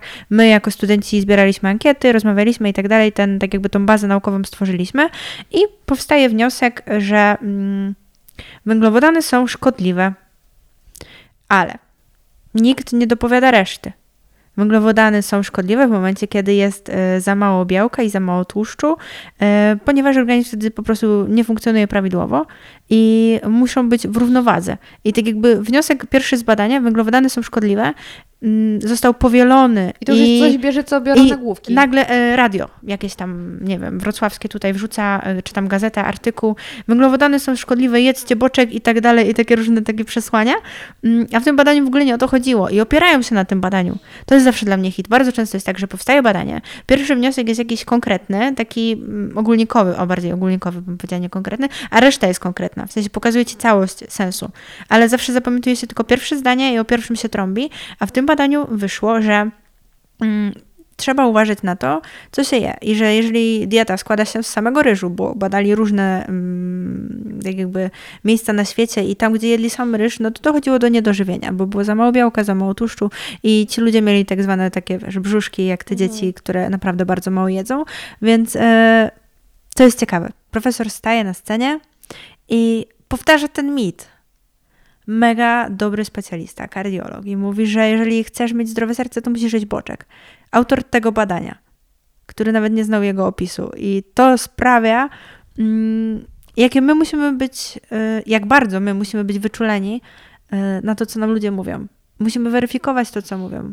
Powiela się mity i to ludzie, którzy tworzą badania, które naprawdę są super, powielają te mity. Wiesz o co mi chodzi? To jest straszne. Zawiłość, bardzo zawiłość. I pamiętam bunt mojej pani profesor, która też była autorem tego badania po tym jego wystąpieniu, tego profesora. Myślałam, że po prostu go rozszarpie na strzępy, bo mówi, tam nie to wyszło, promujesz złe rzeczy. I, i ja pamiętam, ja widziałam tą sytuację, bo też wtedy na tej konferencji miałam swój wykład jako student, y, to tak przeżyłam to i mówię sobie, matko jedyna, jak tak w ogóle można. Ale to też wynika z tego, że lekarze, on był wtedy ordynatorem chyba, mają bardzo dużo pracy. I oni nie ogarniają, co oni robią nawet. Czasem się podpisują pod jakimś badaniem albo biorą udział w jakimś badaniu i e, wiesz. Bez już później analizy tego badania. Tak, samego. tak. Więc Wiesz, ale ja stąd też- powstają mity. To jest jedna z genez, że ktoś, kto stworzył badanie, nie do końca ogarnia to badanie sam z siebie, powtarza ten mit, idzie z tym na konferencję, bo badanie mega ciekawe, po czym zaczyna się powtarzać na konferencji, bardzo często w telewizji jest taki nagłówek, na światowej konferencji jakiejś tam okazało się, że coś tam. No właśnie, i tu już jest drugi, I ludzie w to drugi wierzą, problem. bo nie analizują i media źle przekazują No właśnie, dlaczego media to przekazują? No bo akurat ja powiedzmy znam temat od strony mediów, pracowałam w kilku redakcjach. Musisz dziennie wypuścić ileś artykułów. Nieważne, że nic się nie dzieje, musisz o czymś napisać, Mhm. więc jednego dnia, ja kurde, pamiętam nawet kiedyś kupiłam jakiś, jakąś gazetę fitnessową, w cudzysłowie fitnessową, Woman Health albo y, coś tego pokroju. Mhm. I na początku gazety było napisane, że jedzenie grzybów jest absolutnie bez sensu, są bezwartościowe. Na koniec tej samej gazety był artykuł o tym, że jedzmy grzyby, bo mają białko. I to jest takie, ludzie sami nie ogarniają już, jakie rzeczy wrzucają ludziom do głowy i zapominają o odpowiedzialności, jaka na nich tak naprawdę jako na medium em, spoczywa. To jest bardzo ważne, co powiedziałaś, odpowiedzialność w Odpowie- tych czasach, ale bo dokładnie. ludzie tego nie ogarniają. I ja na Wiecie, przykład... Ale słuchaj, żyjemy też w tak szybkich czasach, że ludzie często czytają nagłówek, więc jeśli węglowodany są złe, no to okej, zrzu- wyrzucam wszystkie kasze z y, szuflady. Mhm. I absolutnie media robią to po pierwsze z braku czasu, bo często to jest kilkanaście s- y, minut, kilka minut, jakie mają e, na przykład na podjęcie decyzji, czy nawet jakiegoś newsa takiego ze świata, powiedzmy, polityki wrzucić. Więc ile jest niby czasu na weryfikację? Zero. Dlatego później są e, artykuły edytowane i uzupełniane. E, a po drugie, dziennikarzom nie zależy na tym, takim większości dziennikarzom, dziennikarzom przez bardzo małe D, żeby weryfikować. Po prostu muszą coś wrzucić. Zgadzam się z tym. Ja pamiętam, jak mnie zaproszono do telewizji e, i zaproszono mnie, a dwa tygodnie później zaproszono kogoś, kto w ogóle mówił cokolwiek, e, tak jakby sprzeczne rzeczy. Mnie zaproszono, żeby wytłumaczyć zależność, a tego kogoś, żeby potwierdził tą zależność. I to jest takie rozbrajające, dlatego ja już chyba nigdy więcej w telewizji nie wystąpię, bo mm, nie chcę się do tego przyczyniać. I nie chcę tak jakby mieszać z tym ludziom, brać na, za to wszystko odpowiedzialność, bo ja jestem odpowiedzialna w tym, co robię. W życiu bym nie wrzuciła czegoś do internetu, nie powiedziała czegoś w internecie, co mogłoby mieć jakiś negatywny wpływ na zdrowie jakiegoś drugiego człowieka, bo tak jak Ci powiedziałam, jestem altruistką i e, to też bardzo często mnie w życiu gubi, ale mi zależy na ludziach. Mi zależy, ja potrafię bardzo dużo poświęcić, żeby komuś jakkolwiek e, pomóc, bo po prostu to mnie jara. I to sprawia, że ja jestem szczęśliwa. Ja nieraz przekładałam innych ludzi nad siebie i pacjentów przekładałam nad siebie, pracę przekładałam nad siebie, pracowałam w klinice, to pamiętam, że miałam dobową ilość pracy 8 godzin dziennie, a ja zostawałam po 4-5 godzin więcej, bo chciałam wszystko dobrze zrobić, ogarnąć i pomóc i mieć czas, żeby porozmawiać z pacjentem, bo tego często brakuje.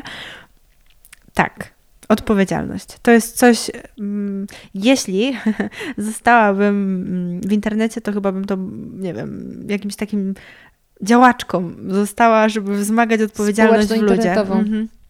No moim zdaniem, jeśli ktokolwiek chce zabierać głos w internecie, powinien pamiętać o odpowiedzialności. Zdrowotnej bo... i za życie, żeby odpowiadać. Bo Ale w ogóle ja... odpowiedzialności za wszystko. Jako... Jeśli coś mówisz, pamiętaj, że cokolwiek powiesz może nieść konsekwencje.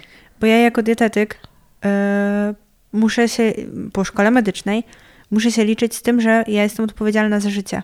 Ja nie mogę zrobić nic, co będzie nie tak. Nie mogę na przykład, e, to by było wbrew tak jakby z zasadą mm, takiej praktyki, że ja robię coś dla siebie w kontekście takim, że daję tobie dietę 1500 kalorii, bo ty będziesz miała lepszy efekt, ale to zaszkodzi twojemu zdrowiu. Ja nie mogę iść e, takim tokiem myślenia. Ja muszę twoje zdrowie stawiać na pierwszym miejscu i to jest definicja mojej pracy i jak to jest lekarz. to, co ja robię, jak lekarz. Nie mogę sobie, mm, wiesz, tak jak lekarz mógłby ci podać czasem jakiś środek, e, ale na przykład y, zdaję sobie sprawę z tego, że ok, teraz poprawi sytuację, ale rozwali ci nerki. I nie może tego zrobić, bo jego, twoje tak jakby zdrowie jest ważniejsze, więc on wybierze inną, e, tak jakby inny schemat działania i tym innym schematem pójdzie, ale doprowadzi do tego samego, może trochę wolniej, ale ty będziesz bezpieczna, ty będziesz zdrowa i twoje życie nie będzie zagrożone i to jest najważniejsze. Więc e, odpowiedzialność to jest coś, co trzeba naprawdę rozpowszechniać w internecie, Chwalić. bo ludzie sobie z tego nie zdają sprawy. Przejdźmy do, bo e, tutaj testy na nietolerancję to jest mój ulubiony temat. O Jezu, e... ja wtedy je zrobiłam. No. E, natomiast teraz już bym absolutnie nie wydała na to pieniędzy. To kosztuje dwa koła, nawet Wiem, cztery. Wydałam. 4 tysiące, 5 tysięcy potrafi kosztować. I um, wiesz, co jest trudne? Przychodzi do mnie pacjent dumny z siebie jak cholera, że on te testy zrobił. Wydał te 4000, 5000, bo teraz po tyle nawet chodzą te testy. Nawet zadychę widziałam już w jednym tutaj laboratorium we Wrocławiu, bo gdzieś tam śledzę sobie ten temat, żeby wiedzieć, jak ktoś do mnie przyjdzie, bo wiesz, te testy mają takie mm, wymyślne dosyć nazwy i jak czasem ktoś coś zarzuci, to ja nie wiem, mam prawo czasem nie wiedzieć i oczywiście chętnie się dowiem, więc e, zawsze sprawdzam. I przychodzi do mnie taki pacjent i mówi, pani Klaudio, bo ja nie mogę jeść i tyry, tyry, tyry, tyry, tyry, tyry, tyry, taka lista, wyszły mi to, mm, wyszło mi to w tych testach. Jakich testach?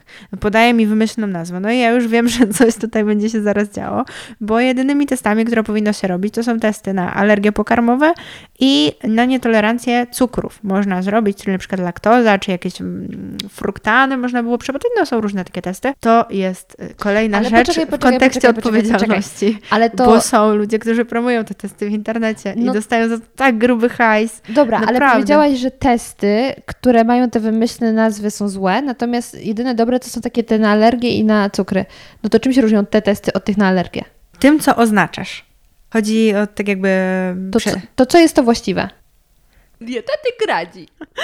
Jak się najlepiej upić, to właśnie pić e, albo samą wódkę, e, Aha. Albo popijać wódkę kolą e, zero, albo o mój popijać Boże. wódkę wodą, później popijać wódkę z wodą i z cytryną, a na samym końcu popijać wódkę z czymś, co ma cukier.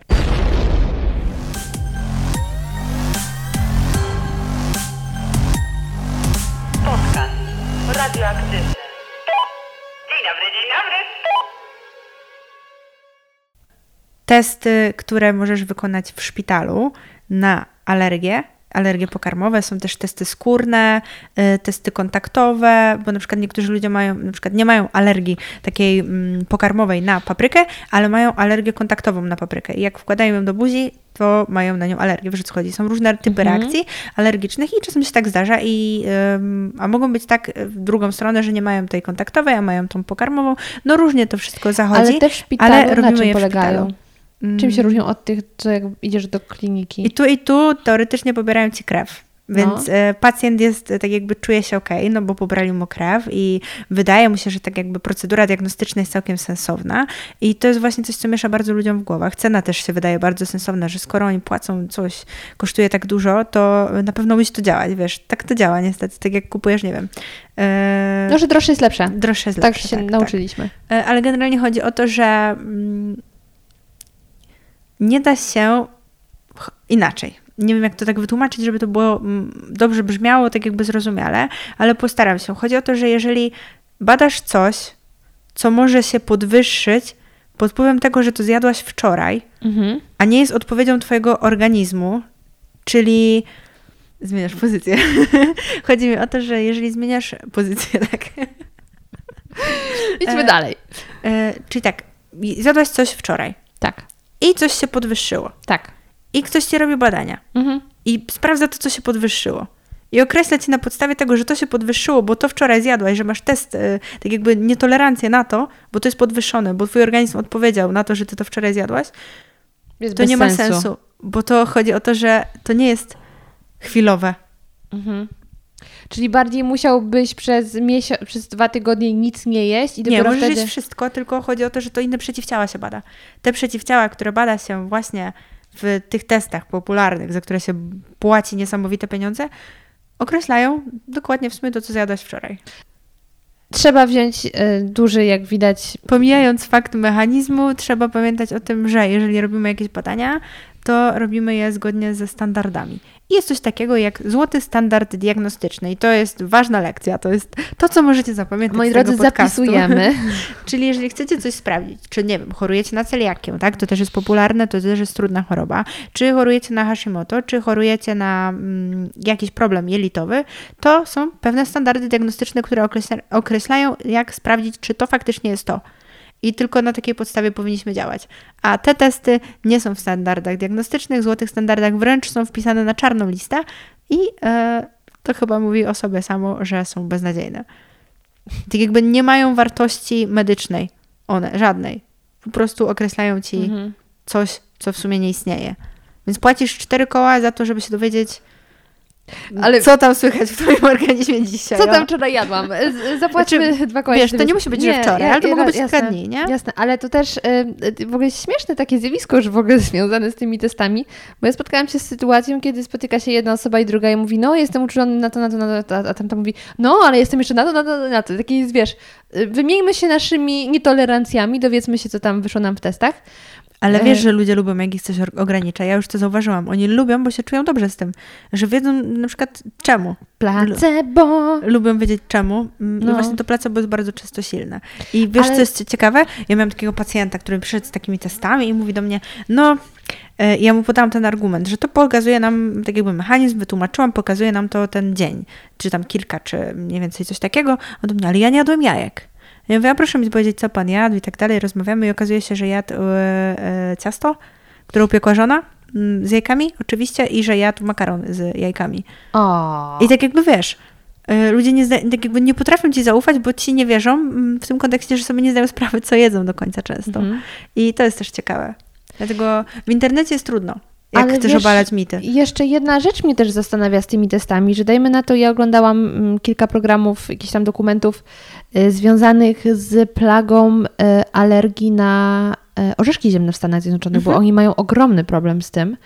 I coraz częściej mówi się, że małe dzieci absolutnie powinny być, nawet alergicy, eksponowani w kontrolowanych warunkach na alergen, bo, do, bo wtedy jest szansa zejść z tego trochę. Ja byłam jako dziecko i nie mam teraz alergii. No właśnie, i to jest to, że wiesz, pomijając, czy te moje testy były dobrze zrobione, czy nie, bo ja też musiałabym ci podać miejsce, gdzie robiłam i tak dalej, e, to jak zaczęłam się e, wystawiać na to wszystko, tak jak mówię, ja się faktycznie źle czułam po jajkach. Teraz czuję się doskonale.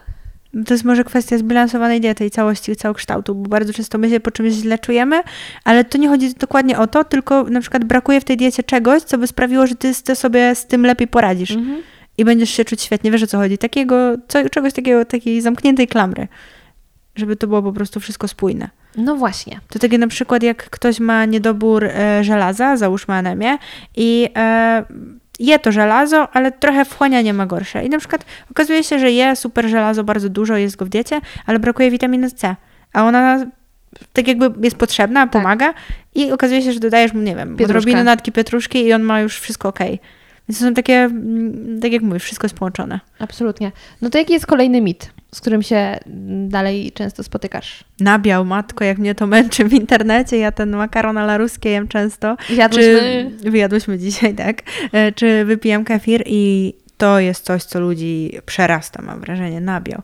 On nie jest e, zły, ma wady i zalety, jak wszystko, ale jest potrzebny, wapń nam jest potrzebny. My jako mm, nasz kraj, mm, ze względu na to, że coraz rzadziej jeszcze teraz, od kiedy trochę taka mm, internetowa właśnie sfera się rozwinęła, wychodzimy na dwór, więc mamy bardzo duże niedobory witaminy D jako naród i ten wapń idzie w tym w parze, bo jemy coraz jeszcze niestety mniej nabiału i Wody też coraz mniej pijemy, niestety. Znaczy, generalnie to się może wydawać dziwne, bo jak ktoś siedzi w, świe- w świecie fitnessu i zdrowo się odżywia, to dla niego to jest nietypowe, ale w społeczeństwie tak się dzieje.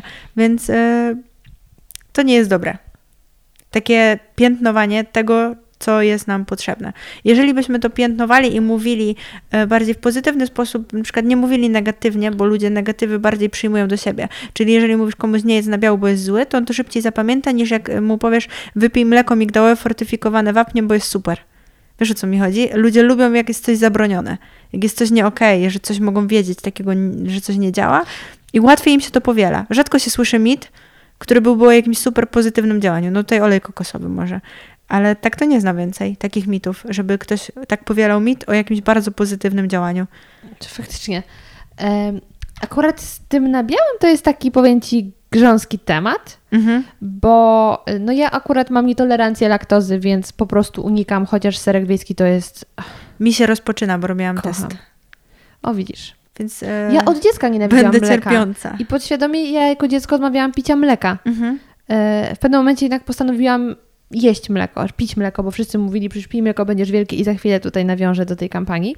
Ciekawa była ta reklama. Ona wynikała właśnie z tych badań, o których teraz Ci przed chwilą opowiedziałam, ale była bardzo źle przeprowadzona Em, moim zdaniem. To właśnie ja bardziej e, skłaniam się ku innej tezie, bo mm, z tym wapniem jest tak, że my oczywiście możemy i weganie to robią, czerpać też z innych źródeł. Więc Woda wysoko zmineralizowana, jakaś muszynianka, staropolanka 2000 i masz święty spokój. I dlaczego nikt tego nie reklamuje? No A właśnie. wiesz dlaczego? Woda ma bardzo niski budżet na reklamę. A wiesz dlaczego? y, I to, to jest coś, co ja też y, bardzo wierzę, bo jaram mnie marketing i teorie takie lekko spiskowe. Mhm. Ale głównym, nie mogę się doczekać. głównym sponsorem. Mm, inaczej. Komu Twoim zdaniem ze sfery biznesu opłacało się sponsorować kampanię e, Pij mleko, będziesz wielki? No, komuś, kto ma mleko. No nie. Bo wtedy każda firma y, mleczarska na tym zyska. Chodzi o jedną firmę. Nie wiem. Głównym partnerem po dziś y, kampanii Pij mleko, będziesz wielki jest firma y, Tetra Pak. Firma, która produkuje kartony. Śmieszne, nie? Śmieszne. Ale jak zaczynasz się zastanawiać, to faktycznie oni dostarczają kartony na terenie całej Polski do napojów Mhm. i jakieś tam tymbarki, i mleko, i tak dalej. I jak się poczyta trochę więcej, to faktycznie oni od samego początku sponsorują to, bo im się opłaca. To jest ciekawe. To jest ciekawe, że Ja czytałam kiedyś o takich teoriach spiskowych, bardziej w kontekście tego, w jaki sposób, bo to było dla mnie takie mm, ciekawe, e, powstały zdrowe śniadanie, wiesz, sok pomarańczowy, płatki śniadaniowe, mleko. W jaki sposób powstał ten e, schemat. No i faktycznie tutaj mocno poszło właśnie po sponsorach.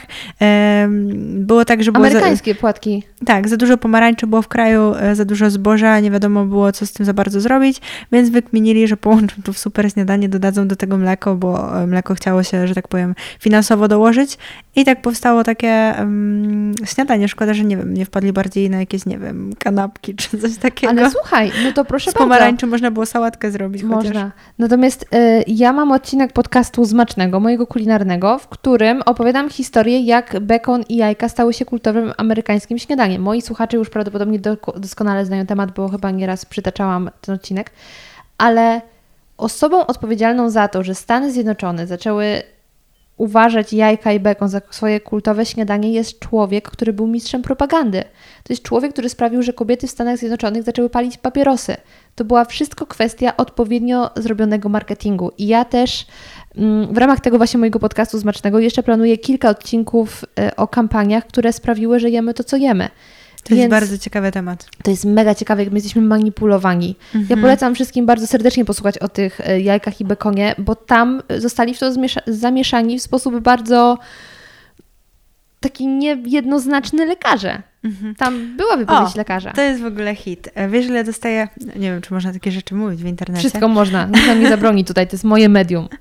Wiesz, ile e, można dostać za oddanie autorytetu swojego, będąc na przykład lekarzem czy dietetykiem, występując w reklamie? Pomijając fakt, że stracisz najprawdopodobniej uprawnienia do zawodu i e, Mhm. będziesz musiał, że tak powiem, zrezygnować z wykonywania funkcji e, tego zawodu. A teraz czas na krótką przerwę.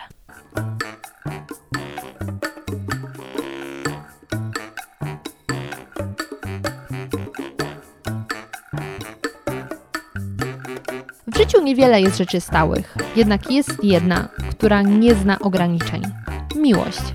A szczególnie miłość do jedzenia, o czym szczególnie mocno przekonali się Amerykanie w czasie II wojny światowej. Podczas I wojny światowej wojsko potrzebowało wystarczającej ilości jedzenia, aby walczyć, dlatego również cywile byli zmuszeni ograniczyć swoje racje żywnościowe. Produktem, który rząd uznał za nieistotny, były lody. A co za tym idzie, cukier, który trafiłby do ich produkcji, został skierowany gdzie indziej, pomimo próśb przemysłu lodziarskiego.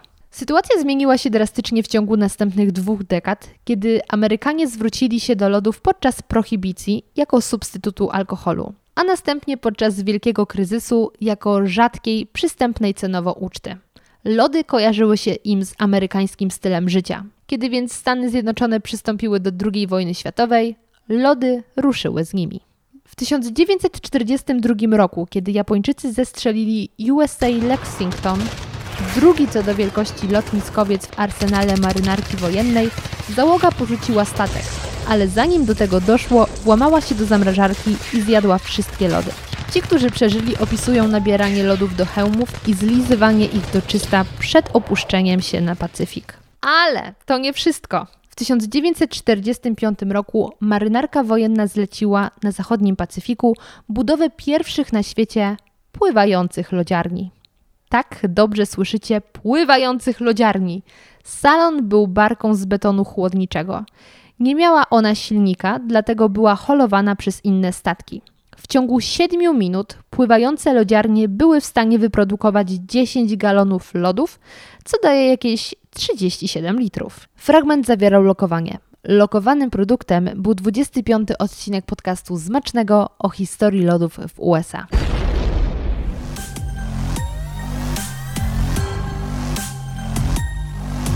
Podcast radioaktywny. Pół miliona złotych za jedną reklamę. Za, dacie, za tak jakby wykorzystanie tego, że jesteś. Ja dostałam taką propozycję, więc yy, wiem. To było ciekawe, bo yy, gdybym może nie była osobą mm, altruistyczną, właśnie może często używam tego słowa dzisiaj, ale taką, która za, której zależy na ludziach, tak po prostu, to może bym to zrobiła. I wiem, że ludzie tak robią, lekarze niektórzy, którym po prostu zależy tylko i wyłącznie na pieniądzach. Ja odmówiłam grzecznie, y, ale wiem, bo miałam kwotę przed swoimi oczami i chwilę się zastanawiałam, bo to są pieniądze takie duże, że możesz żyć za nie i już praktycznie nic nie robić. Można by tak w sumie rzec. Ale ja bym nie potrafiła sobie poradzić z tym psychicznie, więc nie jestem tym takim Ale człowiekiem. absolutnie był to produkt, po którym byś się nie podpisała? Nie. Szanuję. Był smaczny, nie powiem, ale to nie było coś, co chciałam. Wracamy do tematu frytek z, ma- z maka. Smaczne. Y, Tak jak mówię, równowaga, ale to nie miało być ym, tak jakby równoważne. To miało być coś takiego hiper, super, nie wiadomo co. No nie ma szans, żebym ja coś takiego zrobiła.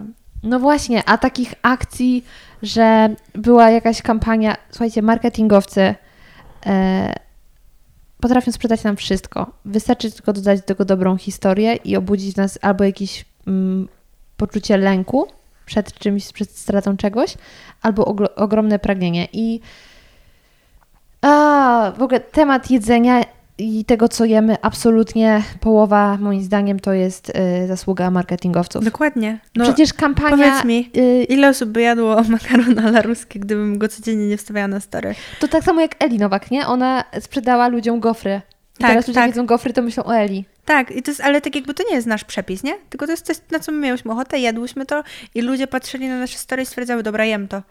Bo mam na to ochotę, bo to widzę. Tak jesteśmy nauczeni. No tak, jak jesteś długo też nastawiony na coś, to zaczynasz to łapać. Tak jak y, dużo moich obserwatorów mówi, że po jakimś czasie sami zaczynają mówić dzień dobry, dzień dobry. I, Ja tak właśnie cały czas patrzę na ten twój tatuaż. Dzień dobry, dzień dobry. I naprawdę, i ludzie zaczynają później mówić dzień dobry, dzień dobry, albo w głowie sobie dopowiadają. Ja jak e, ciebie widzę, to od razu mi tak krzyczy. Dzień dobry, dzień dobry. No, widzisz? Także absolutnie można nam wejść do głowy albo do talerza. Jeszcze jeden przykład tego takiego wpływu marketingowców, niekoniecznie mitu, ale wszyscy znamy powiedzenie, że an apple a day keeps doctor away, nie? No to to hasło zostało wymyślone w momencie, kiedy w Stanach Zjednoczonych był nadmiar, yy, czekaj, nadmiar jabłek albo kiedy jabłek używało się do produkcji alkoholu, ale było jakieś e, embargo czy coś takiego. I po prostu te jabłka były na rynku. I też przemysł ten jabłkowy powiedzmy zastanawiał się, co zrobić, żeby tych jabłek się pozbyć. I wymyślono to hasło i ludzie zaczęli jeść jabłka. I teraz już nikt nie pamięta o e, jakby, Historii? o historii. I oczywiście fajnie, bo jabłka są zdrowe, nie? Tylko Ale mnie zawsze to przeraża. Logo dietetyka z jabłkiem. Naprawdę, zawsze coś zdrowego, co ci się gdzieś kojarzy, ma to jabłko. Sam nawet Tymbark jest jabłkiem dla mnie. sam nawet iPhone, Jest jabłkiem. to prawda. Jabłko jest proste. Jest Mhm. bardzo proste do sprzedaży i proste do dołożenia do niego historii. I kiedyś też trochę w sprzedaży siedziałam takich różnych produktów, jak sprawić, żeby ktoś coś chciał kupić właśnie w kontekście soków. E, Bardzo mnie to wtedy interesowało. Też byłam, mm, na ten temat mówiłam tam taki wykład na konferencji i powiem Ci, że no jest to bardzo ciekawy biznes, bo my teoretycznie jako ludzie nie potrzebujemy w ogóle soków Ja do picia. nie soków. Nie ja też nie, soków. ja też nie, ale są osoby, które Absolutnie. każdego dnia sok, y, czy to marchwiowy, on nie jest, że tak powiem, tym najgorszym, ale są też inne soki i one nie są super. I te diety sokowe i tak dalej mm, też nie są nam potrzebne, one nie działają. Kolejny mit, jak Zaraz już dojdziemy. te, te jesteśmy. E, to ci powiem, że przerażające to jest, ile pieniędzy idzie na reklamę takich rzeczy. Mhm. I mm, ja siedzę teraz w internecie jako, nie wiem, influencer, można to tak, nie wiem, no i coś tam jest, co nie? No Jak wpływ, no. mam jakiś tam wpływ, no. I ja się zastanawiam, dlaczego dziewczyny promują takie rzeczy, jak właśnie soki.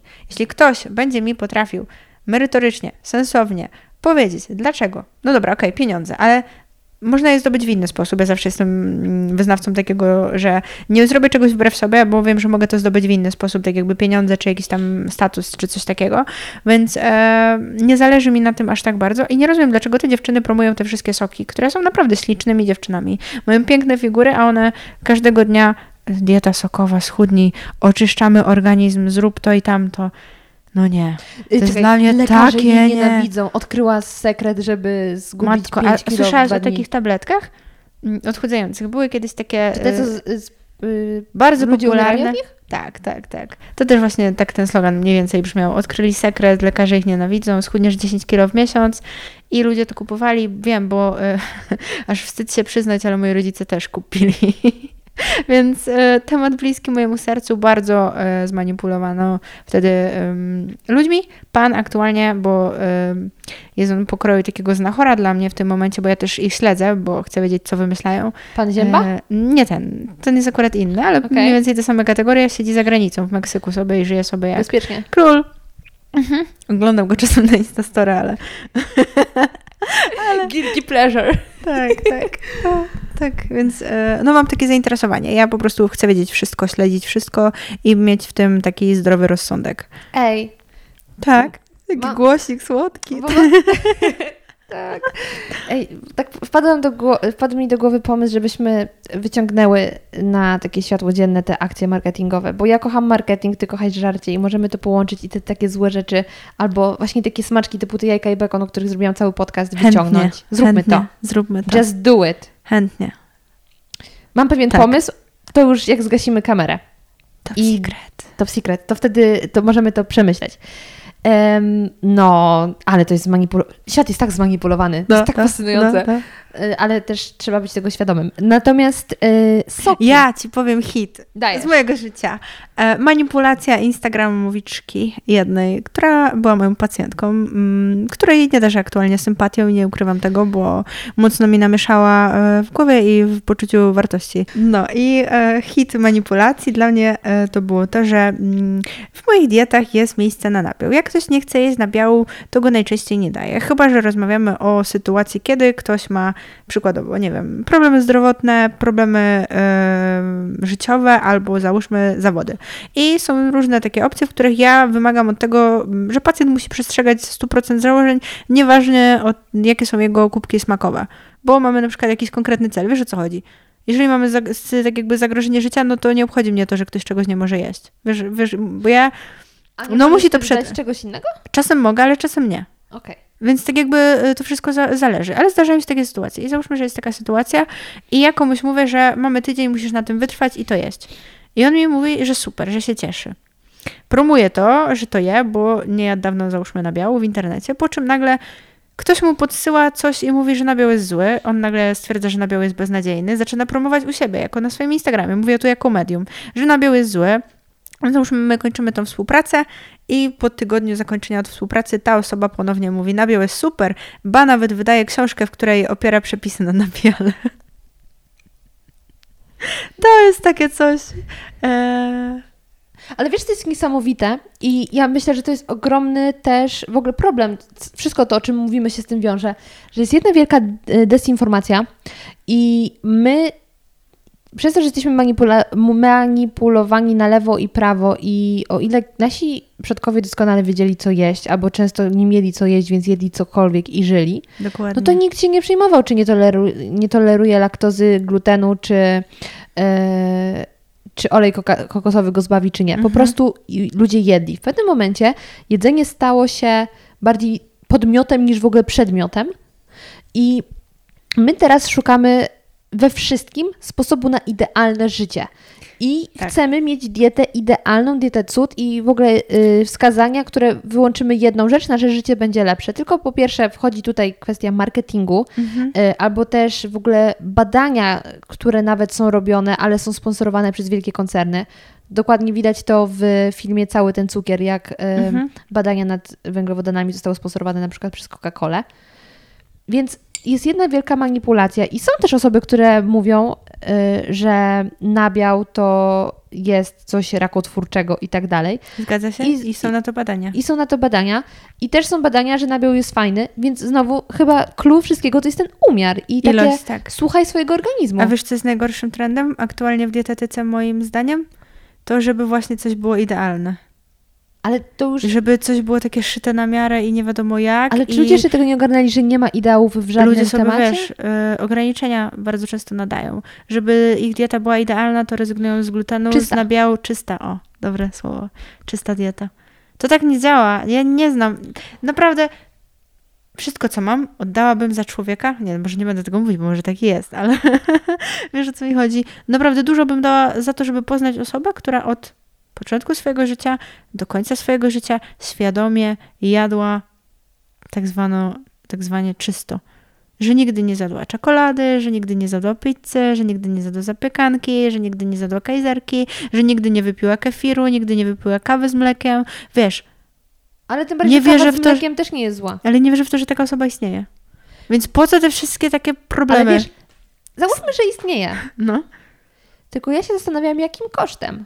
Bo oczywiście można trzymać tą czystą dietę, może, dietę, możesz sobie zjechać psychikę i myślę, że każdy, kto na jakiejś diecie był, wie, że to zaczyna Męczy. męczyć, a ciągnięte za długo wpływa nawet na relacje międzyludzkie.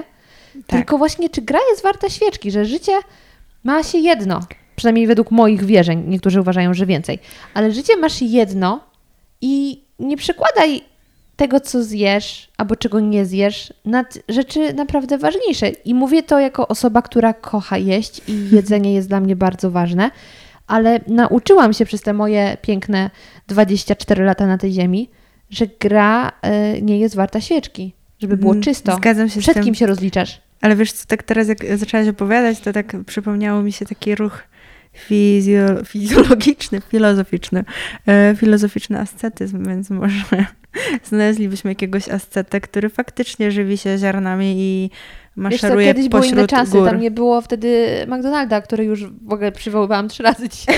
Właśnie tak trochę czuję się... e, Czekam, aż wiedzie taka tarcza, y, y, product placement, McDonald. Nie, niestety nie płacą jeszcze. Jeszcze. No, jeszcze. Za ich kawę mogłabym... Lubisz kawę w maku? Lubię, ale ty, ja byłam kiedyś Miss McDonalda w ogóle. Miałam Naprawdę? 4 lata, zostałam Miss McDonalda. Jej, a byłem też taki Górze. konkurs, co można było wygrać e, wyjazd do McDonalda największego e, za fajne zdjęcie z klaunem. Nie? Było takie coś, brałam w tym udział jako dziecko. Wygrałaś? Nie, O Jezu. ale zrobiłam mu fotkę do Nie tej pory, siedzę mu na kolanach. Więc jakby ktoś chciał coś kontrowersyjnego na mój temat, to zapraszam Jezu, do moich nie. rodziców. Ja się bałam klaunów. Czy dalej im nie ufam? Ja teraz się boję, kiedyś byłam bardziej odważna. Ja byłam Albo bardzo naiwna. odważnym dzieckiem, albo naiwnym. No. Ja, wiesz, co taka najśmieszniejsza sytuacja w moim życiu to był fakt, że mm, była taka wysoka karuzela, zjeżdżalnia, coś takiego i ja się założyłam z moim bratem, że ja wejdę na jej dach. No i weszłam, ale spadłam. Jesus! Z trzy metry miała jak nic, no składali mnie długo.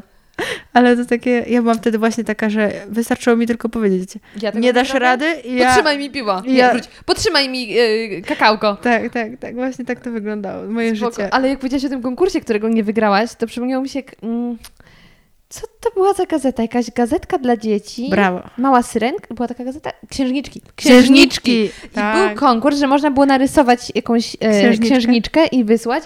I ja pamiętam, narysowałam Arielkę. I zrobiłam w ogóle jej zdjęcie przed wysłaniem, bo wtedy jeszcze, drodzy słuchacze, jeśli jesteście trochę młodsi, może nie wiecie, że do wydawnic wysyłało się nie maile, tylko listy. I ja zapakowałam tą syrenkę i przed wysłaniem zrobiłam jej zdjęcie. Ogólnie jak patrzę na nią, Teraz? to jest tak złe. O, horror. Można Wygrałaś? Absolutnie nie. To mi zraniło serce. W sensie totalnie czułam się dotknięta tym, że nie wygrałam, ale jak teraz patrzę, to jedyne co taka nagroda pocieszenia dla, no... To ja ci coś opowiem. Ja rozwiązywałam takie, mm, na etykietach były labirynty w kubusiach. A, jak Wygrałam kamizelkę. Serio? Tak, mam w niej tyle fotek, Ty, tak a się my jarałam. wygraliśmy kiedyś y, grające zegarki.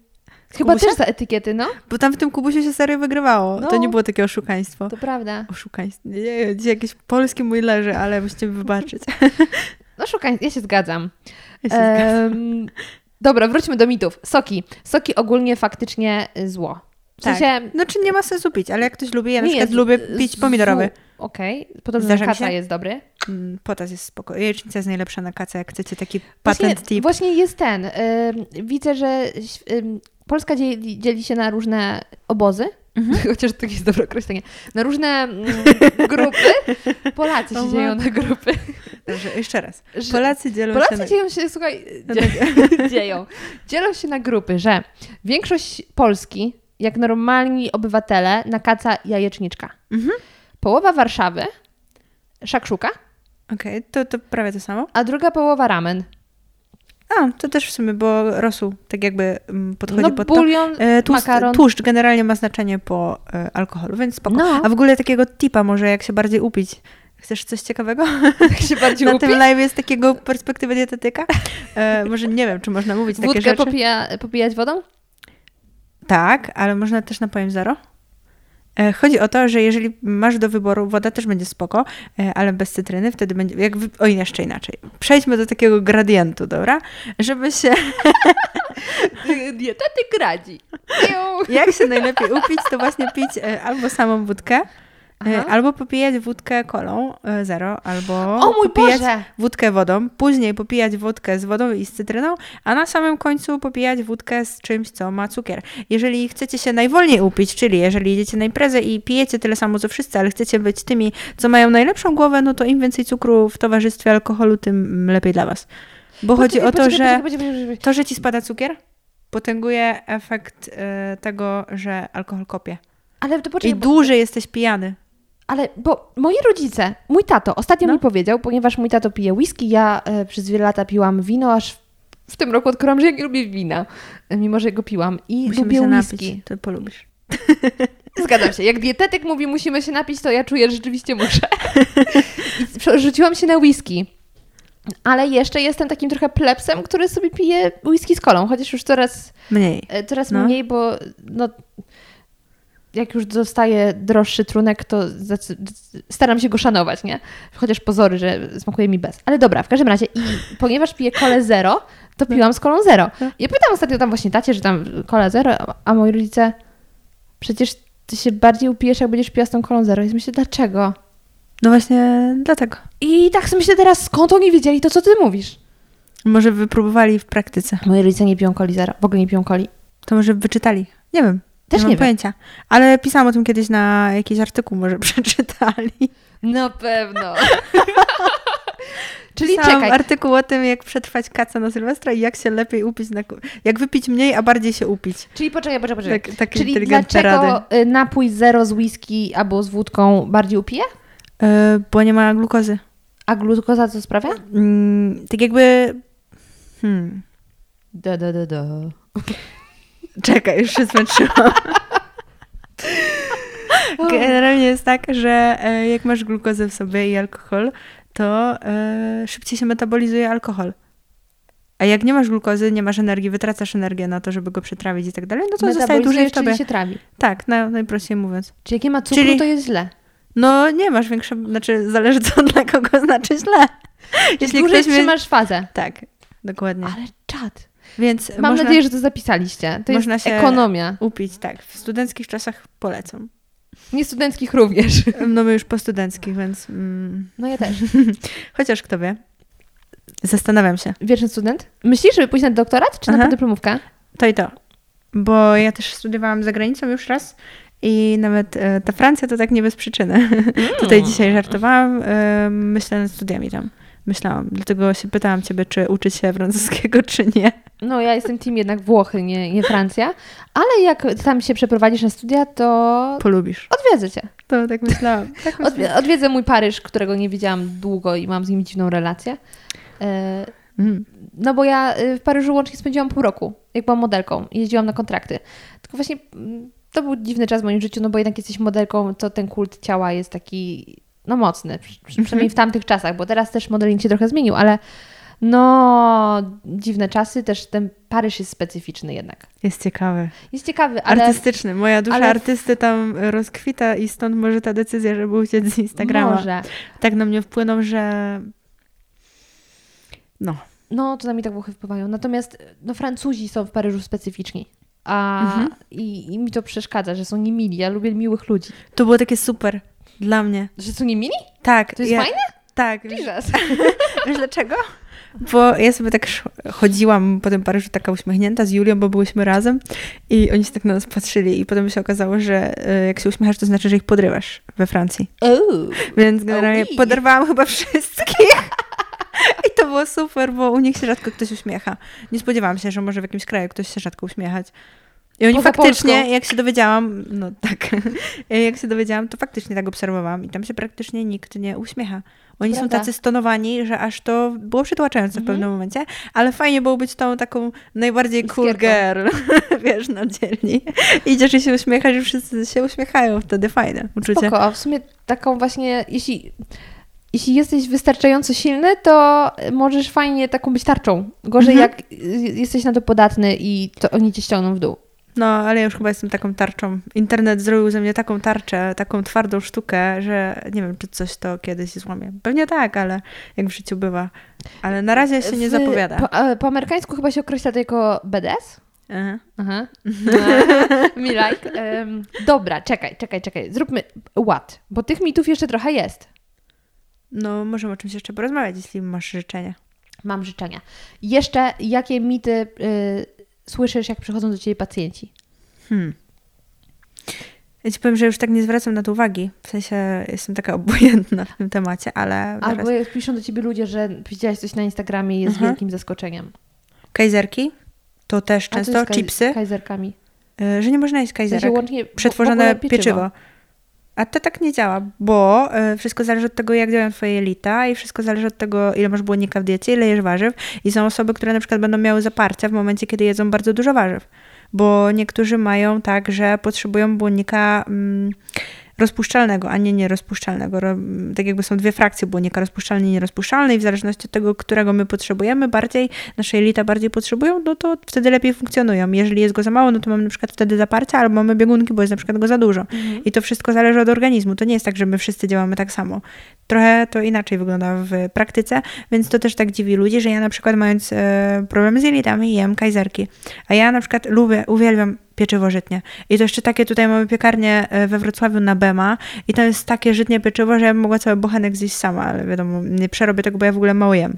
Małe porcje, jak... mm, O Jezu, jak ja zazdraszczam. e, ja lubię jeść, wiesz, różne smaki, ale mało. Nie, nie lubię jakoś tak się obiadać, natomiast to jest też takie nietypowe w mojej rodzinie, bo w mojej rodzinie e, porcje mają znaczenie, więc e, ja jestem takim trochę e, wyrzutkiem, ale no tak niestety jest, albo Na twoją stety. korzyść. No, znaczy, ja lubię dużo jeść w kontekście, mm, na przykład, nie wiem, kilogram pomidorów jestem w stanie zjeść, ale jeśli chodzi o jakiś taki obiad, to tak, mm, Mhm. no nie bardzo.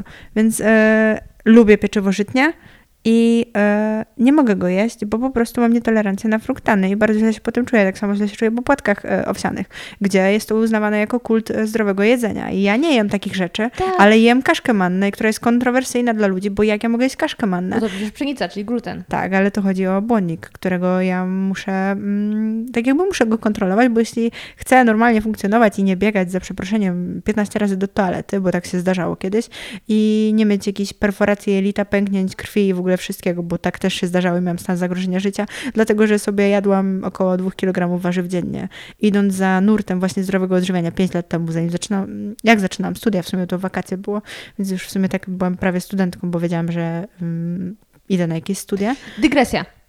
Nie będę Cię pytała, dlaczego poszłaś na dietetykę, bo Ty zrobiłaś o tym fajny film, w którym powiedziałaś wszystko, więc ja po prostu ten film podrzucę. Jakbyście Proszę. byli ciekawi, dlaczego Klaudia zdecydowała się na dietetykę, A nie na lekarski, e, bo a był nie taki na plan. lekarski i czy to była dobra decyzja, czy nie. Y, Koniec dygresji. Kontynuuj. To już się zgubiłam. Mówiłaś o tym, że musiałaś zrezygnować, bo u Ciebie był to stan zagrożenia Tak, życia, kiedy tak, to tak. dużo waży, bo W to było szpitalu trudne. wylądowałam nawet, więc tak jakby zdarzają się takie sytuacje i e, taka sytuacja też mi pokazała świadomość większą. Zanim w ogóle weszłam w świat dietetyki, już wiedziałam, że niektórzy mają inaczej. I to była taka duża przewaga na tym rynku, kiedy ja już wiedziałam, że czasem jest inaczej i że to, co jest dla jednego dobre, to nie jest dobre dla drugiego. Ja zaczęłam wtedy czytać bardzo dużo książek, historii pacjentów. E, W ogóle lubię badania typu case study, bo one są mniej populacyjne, czyli dotyczą konkretnego pacjenta i pokazują, co się stało u danej osoby. Wiadomo, że u drugiej może to nie zadziałać, ale na przykład jak będzie taki czwarty czy piąty pacjent z kolei, który właśnie będzie miał ten sam mechanizm i to zadziała, no to super, jesteśmy w domu i to jest takie ciekawe dla mnie. To są ciekawsze badania, bo właśnie dotyczą konkretnych ludzi. Mm, No ale wiadomo, w badaniach najważniejsze są metaanalizy, y, czyli takie badania, które ob, mm, obejmują dany, obejmują dany obszar, mają kryteria, wykluczają jakieś próby, które były niestandaryzowane i tak dalej. One są takie najważniejsze, ale te case study są najmniej ważne, niemniej jednak dla mnie bardzo e, często ciekawe, no bo tak jak mówię, tak jak ty do mnie byś teraz przyszła i była moim pacjentem, to jesteś dla mnie case study. I jeżeli ja mogę sobie to case study znaleźć gdzieś i trochę... Taka łamigłówka trochę. Tak. Super. Ja uwielbiam w taki sposób funkcjonować. W ogóle tak rozszyfrowuję moich pacjentów bardzo często. Ale wiesz, jestem bardzo ciekawa, czy mm, gdybym dała Ci dokładnie tę samą ankietę, którą dałam mojej dietetyczce, to czy Ty byś dała mi podobne założenia? Nie mogę ci odpowiedzieć na to pytanie. Ja wiem, że nie możesz, ale to jest po prostu bardzo ciekawe. Na Tak. ile one byłyby różne? To jest ciekawe. Mimo, że obie jesteście Zrób taki, klinicznymi, nie? Ty e, jesteś klinicznym. Ja nie wiem w ogóle, co to znaczy dietetyk kliniczny. Ja też nie wiem. Tak jakby nie rozumiem tego tytułu często. Wydaje mi się, że to jest podkreślenie magistra. No ja jestem magistrem dietetyki i to jest koniec mojego tytułu. E, mam jeszcze tytuł z zagranicy, e, bo studiowałam mm, nutrition na Harvardzie. Tak było niestety.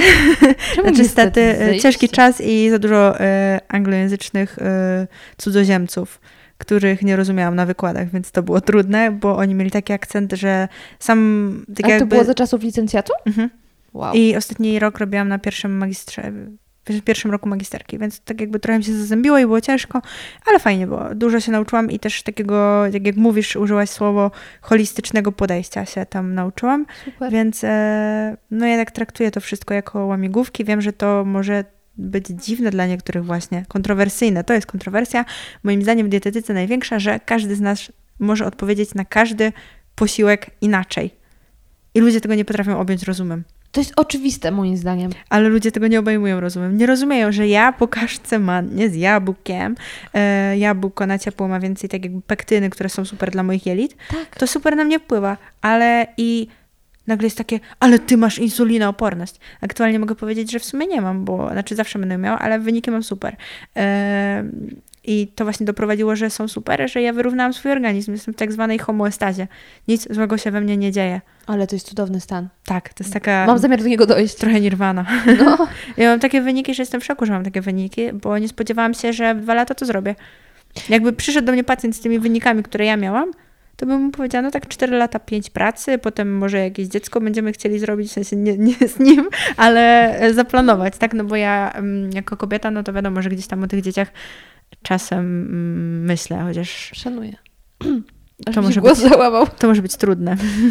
E, ale powiem Ci, że tak e, staram się teraz wejść w skórę słuchaczy, widzów, którzy tak sobie nas słuchają i sobie myślą, okej, to jeśli tym nie można wierzyć, bo mogą kłamać, jeśli tutaj trzeba się zastanowić, bo oni też mogą mieć w tym interes, a ten został opłacony, żeby powiedzieć, że to jest dobre.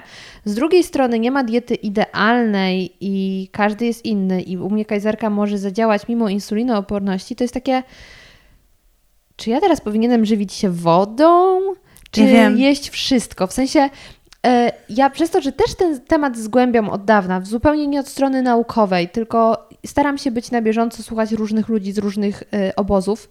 Znowu złe słowo. Z różnych. Ale tak jest. różnych obozów, okej, zostajemy. To staram się to gdzieś wypośrodkować, plus mając gdzieś z tyłu, że niektórzy mogą mieć interes w czymś i staram się siebie słuchać, ale e, właśnie mam wrażenie, że powiedzenie słuchać swojego organizmu i intuicyjne jedzenie to jest jeden z takich trendów, który jest absolutnie głupi w tym momencie.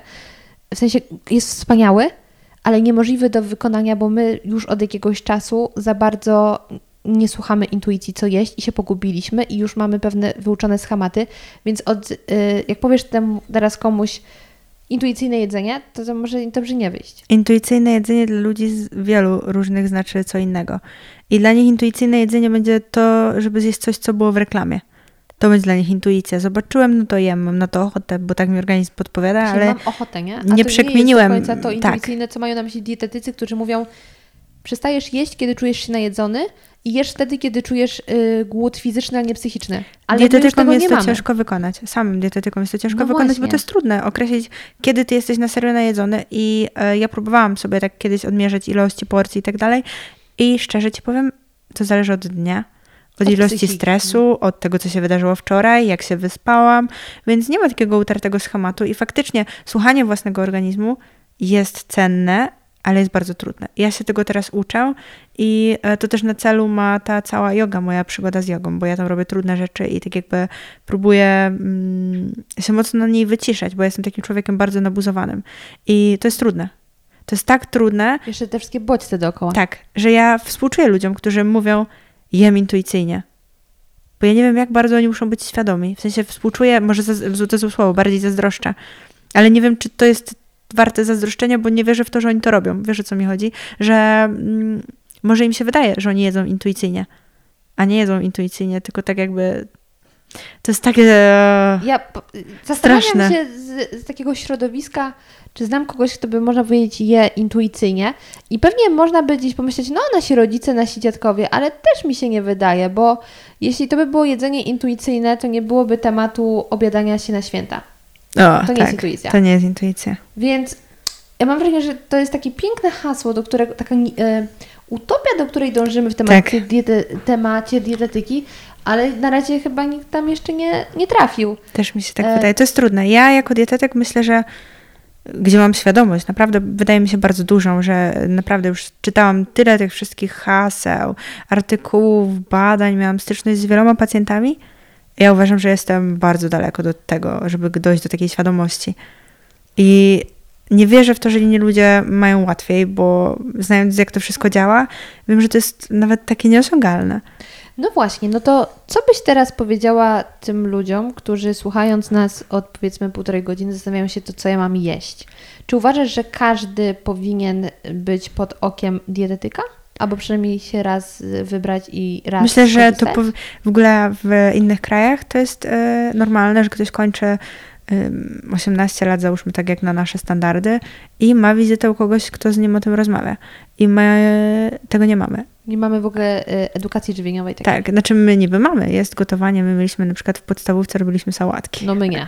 No to widzisz, ale tak było, robiliśmy te sałatki i nic mi to nie dało. Ale właśnie powinno tak być, że mm, powinniśmy się nad tym pochylić, nad tym problemem i powinniśmy e, mieć więcej takich osób. Tylko tutaj też jest kwestia osób. Powinien być bardziej standaryzowany ten zawód.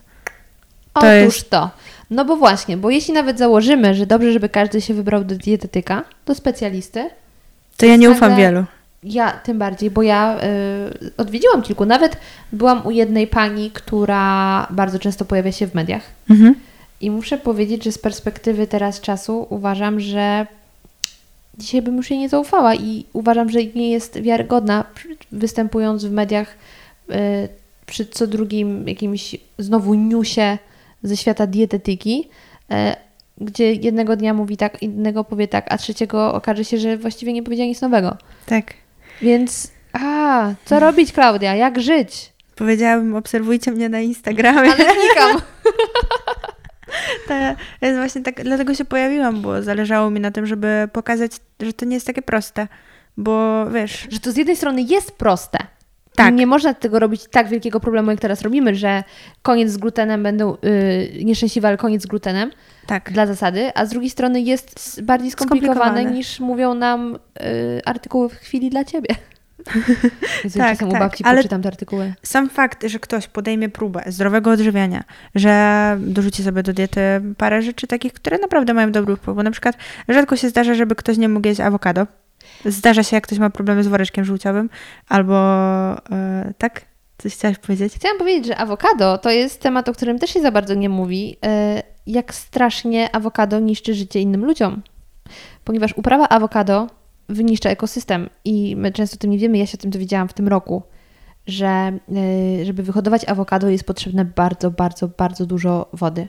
Mhm. I mm, ludność, to jest chyba Ameryka Południowa, gdzie uprawia się awokado na masową skalę, y, no umiera z braku wody, bo na ich terenach już nie ma wody i jest ekosystem absolutnie zniszczony i coraz częściej się bojkotuje awokado, bo Widzisz, przecież nawet nie słyszałam bo nasze y, tego. pokolenie żyje, y, takim symbolem naszego pokolenia jest avocado toast. Tak.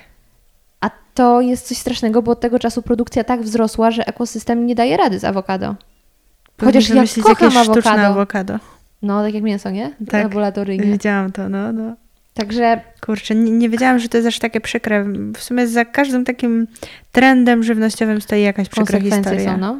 Zawsze. Więc znowu umiar. Ale E, co możemy zakończyć tutaj e, a propos trendów, żeby wynieść coś ciekawego, to bardzo pozytywnym trendem jest e, ograniczenie ilości jedzenia mięsa. I to prawda. Chociaż też moja dietetyczka mi uświadomiła, że nie jest prawdą, że takie mięso nieprzerobione, nie przetwory mięsne, Mhm. wcale nie ma tak negatywnego znowu wpływu na zdrowie, jak się mówi. Nie, nie, nie, ale bardziej w kontekście ekosystemu Tak, i ocieplenia. To E, e, bo w tym kontekście Ile tam się wody w ogóle w tym yy, yy, przemyśle zużywa, ale że to jest właśnie też taki mit, w którym ja wierzyłam, że mięso jest bardzo, Niezdrowe. bardzo źle. Yy, bardzo Zależy złe. jakie, bo też są różne rodzaje. Oczywiście, I tak no. jakby, jeżeli miałabym codziennie jeść wieprzowinę i e, wołowinę i to w takich pół na przykład kilograma dziennie ilościach, e, no to to by było tragiczne dla mojego zdrowia i tego, że mogłabym mieć nowotwory, na przykład jelita grubego, który jest coraz częstszym nowotworem w naszym mm, świecie, a na przykład jakbym sobie jadła pół kilograma kurczaka, to już nie byłoby tak tragicznie. Mhm. Więc to jest kwestia mm, różnego wpływu mięsa. Są różne rodzaje mięsa. Tak jakby mięso zawsze No, to nie jest to samo. Mięso to też ryba, Tak, a już ma zupełnie inny wpływ. tak. Chociaż na przykład w dietetyce to się klasyfikuje tak specyficznie. Jest mięso, to jest mięso, a ryba to jest ryba. I bada się wpływ ryb, to nie bada się mm, wpływu mięsa. Jak się bada wpływ mięsa, to nie bada się wpływu ryb. Wiesz o No co tak. chodzi? To jest takie zawiłe Tylko, i ja też tylko często... z drugiej strony, jak nazwać w takim razie to, co jesz z ryby? No, mięso, ryba. Mięso ryby, No mięso ryby, ale mięso, nie? Tak. Także no... ym, Więc tak jakby w, w kontekście dietetyki, jak masz badania naukowe, to nigdy nie jest napisane, że mięso to ryba. Wiesz o co chodzi? wiem, wiem, wiem. Tak jakby to jest takie zawiłe i ja czasem... Mi jest często, mm, jak na przykład mówię, warto jeść ryby, albo mówię, warto nie jeść mięsa, albo no, różne jakieś takie rzeczy, wchodzić w dyskusję z osobami, które są bardzo tak cięte na ten temat. Mhm. To jest trudne dla mnie w kontekście dietetyki, bo ja nigdy nikomu nie, nie mogę powiedzieć, nie możesz jeść tego, możesz jeść to i tak dalej. Moim zadaniem jest sprawić, że jeżeli ktoś ma jakieś konkretne wybory żywieniowe, żeby ta dieta była optymalna dla niego. I ja szanuję każdy wybór i sama próbowałam ograniczyć całkowicie mięso, z tym, że mm, ze względu na moje lita, perforacje wcześniejsze i tak dalej, miałam straszną anemię i nie wyrównywały jej leki. A do, jak teraz mam zbilansowaną dietę, na której się super czuję i nie jem tego mięsa jakoś dużo, y, mam super wyniki i wszystko jest w porządku. Więc Ja tak też- jak mówisz, to jest kwestia Mhm. równowagi i dojścia do takiego poziomu, że już wiesz, co jest okej. No właśnie, bo ja też... Ale to się zmienia też z wiekiem. y, Ja się Więc za wychowałam 5 na lat mięsie. może być inaczej. Tak, może być. Zmieniamy się, więc nasz organizm się zmienia. Ja się wychowałam na mięsie. E, Kochałam mięso i ja po dziś dzień uwielbiam smak mięsa. To nie jest kwestia, że mnie mięso odrzuca. W pewnym momencie tylko postanowiłam e, ograniczyć, a później zrezygnować. I faktycznie raczej nie jem. W sensie nie mówię totalnie, że jestem wege, bo absolutnie nie jestem, bo chociażby dlatego, że jem ryby. E, ale bardzo sporadycznie jem teraz mięso. Bardziej jak na przykład są święta, jest jakaś jedna potrawa, Mhm. którą kocham, to wtedy zjem. Ja mam tak, że strasznie nie lubię się określać i strasznie mnie denerwuje to, Takie jak ktoś łatki, się określa. etykietki. E, Jestem wege, bo aktualnie to jest e, hipsterskie, bo tak się niestety dzieje. E, Piję, nie wiem, zieloną herbatę, bo w tym momencie jest to hipsterskie. Wiesz, ludzie lubią się Yerbę. tak czuć. Teraz się yerbę Yerb, pije. yerbam się, no tak na takiej zasadzie. Albo e, kombucha. No, E, tak jakby no. ludzie lubią to i ja to rozumiem. Fajnie, że są takie trendy, ale ja tego nie lubię. Ja lubię być taka wolna we wszystkim. Tak. I chcę robić wszystko to, co jest dla mnie najlepsze, bo ja kiedyś taką mm, metamorfozę przeżyłam, nie wiem. Jak zrozumiałam, że nasz organizm to jest takie dziecko, o które trzeba dbać. To jest coś, co mamy najlepsze i musimy robić wszystko, co jest najlepsze dla niego. I mi na tym właśnie zależy. Ja to teraz robię i to się bardzo opłaca, bo ja na przykład... Y- Nieskromnie powiem, że my tak na nasz wiek to młodo wyglądamy. My? tak, czyli się e, dobrze odżywiamy. O Jezu, Bo ja mam tak koleżanki, więcej. które mają bardzo dużo zmarszczek, a mają 24 lata. I wiem, że one mają kiepską dietę i kiepski styl życia, dużo stresu. No ale to też geny trochę. Tak i nie. Jeden rabin powie tak. no to, to więc, jest trochę prawdy. y, więc tak jakby to ma znaczenie, bardzo duże znaczenie, bo ja mogłabym wyglądać trzy razy gorzej w tym momencie Mhm. teraz. Albo na przykład miałabym straszny trądzik, bo mam skłonności O, duże do trądziku, ale mam super dietę, dbam, pielęgnuję i jest okej. I to jest ważne. Więc tak jakby słuchać siebie i dopasować do siebie. I oczywiście to jest cały proces, tego się nie zrobi od ręki, ale też trochę testować. jest, tak jak mówię, właśnie taka metamorfoza myślenia, Mhm. tego wszystkiego, co masz w głowie. Że, bo ja też kiedyś miałam fazę na dietę bezglutenową, nawet napisałam na ten temat licencjat później, żeby taką terapię sobie zrobić i dowiedzieć się na ten temat wszystko, co jest możliwe. I ciekawiło mnie, czy na przykład dieta bezglutenowa będzie miała sens, jeżeli mamy kogoś, kto choruje na autyzm, Mhm. I ciekawiło mnie, czy będzie miała sens, jeżeli ktoś ma schizofrenię. I okazało się, że są badania, że może mieć wpływ, ale na takiej i takiej zasadzie, a takiej i takiej nie. Ale nie ma jednoznacznego stanowiska, więc nie można jej zastosować w kontekście bycia dietetykiem czy lekarzem, bo może to być niezgodne z mm, medycyną i tak jakby z prawem. Więc no, na wszystko trzeba brać poprawkę. To nie jest takie... No właśnie, bo też Łatwe? znowu, Ale są ciekawe zależności. no tak jak przy Hashimoto, raczej mówi się, żeby ograniczyć, niekoniecznie totalnie y, tam y, z, wyrzucić z menu, ale ograniczyć na przykład ten gluten. Zależy właśnie od przeciwciał, ile ty tego masz w sobie, Mhm. co się dzieje, jak I, jest i duży stan się dobrze zapalny. czujesz. Tak, I faktycznie ja lepiej czuję się, jak ograniczę. E, ale pizzę zjesz. Ale tak, oczywiście. No Nigdy i nie właśnie o mówię dobrej pizzy, no. Słuchaj, y, ponieważ ja, my, no, mogłybyśmy jeszcze pociągnąć i pociągnąć ym, i może coś zrobimy w tym kierunku, ale mam jeszcze do Ciebie pytania od moich patronów, których byłaś bardzo ciekawa, więc teraz po, Pozdrawiam wszystkich. po, po półtorej godzinie mogę Ci je przeczytać. Dobrze, Sebastian pyta, Mm. e, czy często... Sebastian. Seba- Y, Czy często spotyka Pani osoby, które skutecznie przechodziły dietę przez Panią zaleconą? Było widać efekty ubytki ciała i tym podobne, a po jakimś czasie wracały do Pani z stanem zdrowia, wagą początkową, że na przykład przytyły ponownie tyle, ile schudły? Mhm. Mm, Nie zdarza mi się to. Nigdy nie miałam takiej sytuacji. Zawsze jest tak, że jak e, kończę współpracę z pacjentem, to on już wie, co ma robić i nie dopuszcza siebie do takiej możliwości, że tak jakby. A jak Nie długo czuję- zwykle współpracujecie? Mm, Wiesz co, jak długo? Zdarza mi się, że najkrócej miesiąc I mam pacjentów, którzy po miesiącu później sobie sami z wszystkim rewelacyjnie radzą i naprawdę mają takie efekty, że piszą do mnie po pół roku i mówią: Wow, i ja to zrobiłem sami, wiem jak to działa, i bo ja mam też tak, że jak ja z kimś pracuję, to dużą edukację żywieniową wprowadzam. Ja potrafię wysłać komuś badania naukowe, potrafię mu wytłumaczyć, potrafię mu narysować, potrafię tak jakby mm, godzinę z nim spędzić na tym, żeby zrozumiał, na czym w ogóle polega jego zdrowotny problem, żeby on wiedział, dlaczego to robi. I wtedy są takie efekty, że ten człowiek rozumie, wie i działa. I to jest super. I to jest dla mnie najważniejsze, ale zdarzyła mi się raz sytuacja, że miałam mm, panią, która pojechała na wakacje i przytyła 3 kg. Z tym, że ona wróciła po tych wakacjach i zaczęła jeść tak jak wcześniej, bo na wakacjach nie jadła jakoś dużo, no ale wiadomo, jakieś tam lody, coś tam ciekawszego.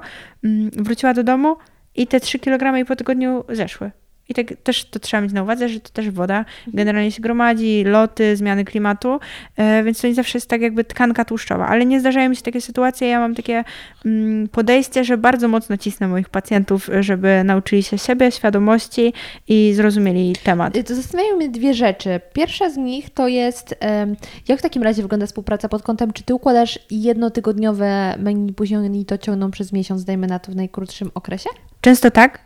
Mm, Zależy od tego, mm, jakie, że tak powiem, pacjent ma oczekiwania, bo ja mi też zależy najbardziej na tym, żeby było to wszystko spójne z tym, czego on oczekuje, żeby on się czuł komfortowo. Mam pacjentów, którzy potrafią mieć tylko trzydniowe jadłospisy i przez miesiąc sobie to ciągnąć, bo dla nich to jest optymalne. Naprawdę? Bo mam ludzi, znam ludzi, którzy po prostu lubią mieć codziennie to samo Wow. Mieć taką rutynę. I oni sobie z tym super radzą i na przykład, nie wiem, raz w tygodniu sobie idą z ukochaną, ukochanym, mamą, babcią, dziadkiem, nie wiem, e, na obiad. I dla nich to jest normalne. Nie traktują tego jako cheata, bo ja też cheatów bardzo tak nie, nie lubię. Męczą mnie to, mm, bo mam pacjentów, którzy przez trend cheatów bardzo mm, zaburzyli tak jakby światopogląd na jedzenie. I to, że były one tak bardzo mm, propagowane w internecie, sprawiło, że oni mieli problem później z jedzeniem. Więc ja nie lubię za bardzo. To jest taki grzęski grunt dla mnie, jako dla dietetyka, ale ja to traktuję jako takie normalne wyjście i zjedzenie czegoś ze, z rodziną. I też ten wtedy obiad, na przykład, nie wiem, z tą ukochaną, y, to też jest normalne jedzenie. Czyli na przykład, nie wiem, burger, to jest normalne jedzenie dla mnie, tak? Bo u mnie w diecie normalnie ludzie jedzą burgery, czy jedzą czekoladę, czy jedzą awokado. tak zdarza się też. Przemyślę ten temat, w ogóle poczytam na ten temat, żeby jak najwięcej się dowiedzieć, ale mm, odpowiadając na pytanie, jest to tygodniowy jadłospis najczęściej i każdy dzień jest y, różny, ale mają podobne struktury. Czyli, że, żeby ten ktoś się nauczył, że jeżeli ma, nie wiem, obiad, to ma 12 gramów oliwy. Zawsze. Czyli na oko to jest tyle i już nie musi nigdy więcej tego ważyć, mierzyć. Po prostu wie, ile to jest na oko. Ja też bardzo dużo mm, tak jakby przywiązuję do tego, żeby moi pacjenci nie liczyli do końca życia kalorii i nie liczyli do końca życia jedzenia. Tylko żeby się nauczyli, że jeżeli mają jeść trzy kromki, to trzy kromki są spoko, a jak zjedzą cztery, no to na przykład muszą iść na jakiś drobny spacer, czy zrobić coś więcej w ciągu dnia, ale że to też jest okej. Nawet pięć będzie ok, tylko żeby oni wiedzieli, że te trzy to jest dla nich najlepsze. W tym momencie przy aktualnej wadze, stanie zdrowia i tak dalej. Więc to jest dla mnie istotne, bo mm, ja uciekam od tego, żeby cały czas liczyć. Ale żeby nauczyć się świadomości, to najpierw trzeba wiedzieć, ile to jest. Tak. To jest ważne. Bo gdybym ja na przykład nie wiedziała, ile to jest 125 gramów borówek, że to jest jedno opakowanie z Biedronki, to też ciężko by mi było ułożyć dietę optymalną, czyli, czyli na przykład, nie wiem, dawałabym komuś 30 gram borówek. To co, 4 dni by jadł te borówki, po 4 dniach raczej by się już popsuły. Mhm. Więc wiem, że trzeba dać Poza tym, 60 no, jakby nawet... zobaczył taką ilość, to było co cztery ziarenka, to już No koniec. dokładnie. No. Więc tak jakby to świadomość tego się trzeba uczyć. No i później sobie pracujemy przez miesiąc. E, Często robię modyfikacje, czasem ktoś na przykład do mnie mówi, że ma ochotę na sushi, tutaj mu na przykład przygotowuję zamiast jakiegoś obiadu przepis na sushi i sobie robi to sushi, więc dla mnie to jest istotne, żeby każdy wiedział, e, co ma robić. E, Przez miesiąc wydarzają się różne rzeczy.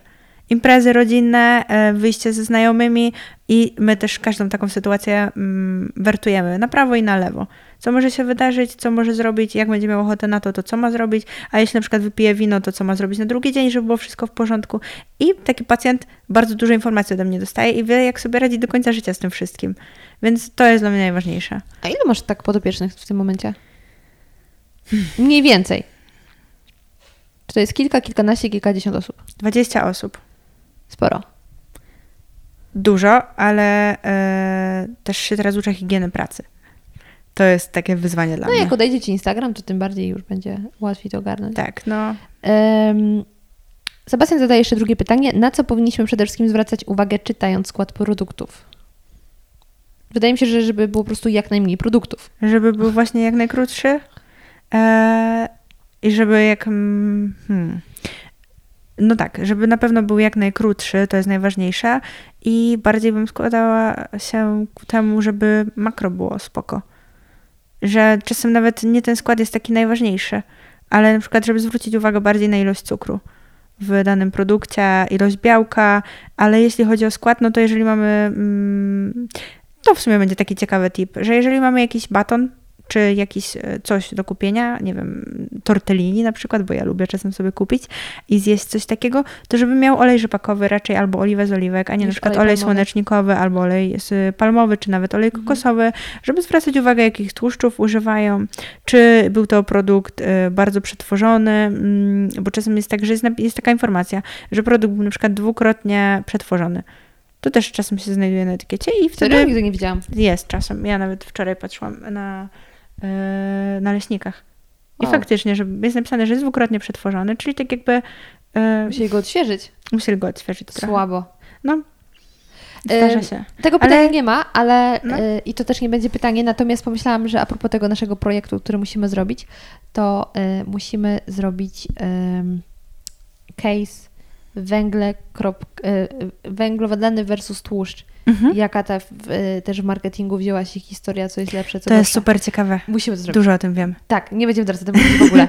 O tym będzie osobny podcast albo coś. Dużo o tym wiem. Dużo o tym wiem. No, ja też czytałam od Mogę ci wtedy opowiedzieć, jak to było, jak byłam na ketozie. Tu chyba się kieto zapojawia, także zahaczymy, ale samą... y, To jest ciekawe. Samo pochodzenie tego zjawiska, jak długie to jest, to, to już osobny zrobimy podcast. Dobra. Dobra, kolejne pytanie od Krzysia. Co sądzisz o zamiennikach jedzenia typu Huel? Tak to się czyta? Mi nawet na fejsie pojawiają się reklamy, nie wiem co to jest, ale to chyba Nie wiem, zastępnik posiłku w proszku. A możemy to sprawdzić? Zrobić chwilę przerwy? Yy, to czekaj, to dojdźmy do kolejnych pytań, a do tego wrócimy. Dobra. To Emilia pyta, czy co z modą na bez glutenu i bez laktozy, czy, czy, czy rzeczywiście ma to sens? Już chyba cały podcast o tym opowiedział, że nie ma sensu, Nie ma jeśli sensu. nie ma potrzeby. I mogę powiedzieć tylko, kiedy jest sens, żeby była jasność. Jeżeli chodzi o gluten, no to celiakia, no to wiadomo. E, jeżeli e, mamy alergię Albo- na pszenicę, albo nieceliakalną nadwrażliwość na gluten. I to są trzy możliwości. To jest taki jakby kongres e, z 2012 roku to rozporządził i tam, że tak powiem, e, określił, kiedy to ma sens. I sens ma również wtedy, kiedy masz jakąś chorobę autoimmunologiczną współwystępującą, czy też współistniejącą, czyli równocześnie chorujesz na celiakię i na przykład na Hashimoto. To wtedy tak. To wtedy może się okazać, że nie trzeba leczyć Hashimoto, będąc na diecie bezglutenowej, że będzie wszystko w porządku. Mamy na przykład pacjentów e, z celiakią i łuszczycą i uleczymy ich na łuszczycę i nie ma w ogóle żadnej poprawy, ale okazuje się, że mają celiakię, bo robimy dodatkowe badania i przechodzą na dietę bezglutenową i odstawiają wszystkie leki i nie mają objawowej łuszczycy. Więc to jest takie piękne. Stąd wziął się trend, żeby mówić, wziął się trend, żeby mówić, e, że dieta bezglutenowa działa w chorobach autoimmunologicznych. Owszem, w momencie, kiedy występuje z celiakią. Okej. Y, Hania pyta, na czym polega dieta ketogeniczna i czemu zyskała taką popularność, czy w ogóle jest bezpieczna?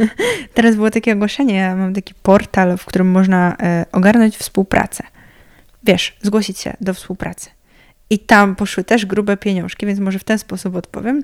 Zaproponowano, że jeżeli ktoś będzie e, książkę na temat diety ketogenicznej promował u siebie na profil, to dostanie za to pieniądze. Więc e, może to jest odpowiedź na to pytanie. E, Skąd się to wzięło? Bo W Stanach na pewno e, więcej takich e, wyznawców jest i ludzi, którzy dostają za to pieniądze, ale ona ma znaczenie w kontekście na przykład padaczki, leczenia padaczki. Rewelacyjne efekty są, jeśli chodzi o dietę ketogeniczną. Wycisza bardzo pracę mózgu, ci ludzie mogą normalnie funkcjonować, zdarza się, że nie mają ataków bardzo długo i to jest super. Ale w kontekście takich ludzi, którzy nie mają mm, jakby wskazań, żeby być na tej diecie, to ona nie jest dietą optymalną. Może być ok, jeżeli ktoś lubi w taki sposób jeść, to oczywiście będzie super się na tym czuł i może na tym wytrwać, ale mm, to nie jest coś, co jest optymalne. I na, o tym trzeba sobie zdawać sprawę, ale nie jest coś, co jest złe. Można to zrobić, bo jest na przykład dieta ketogeniczna śródziemnomorska.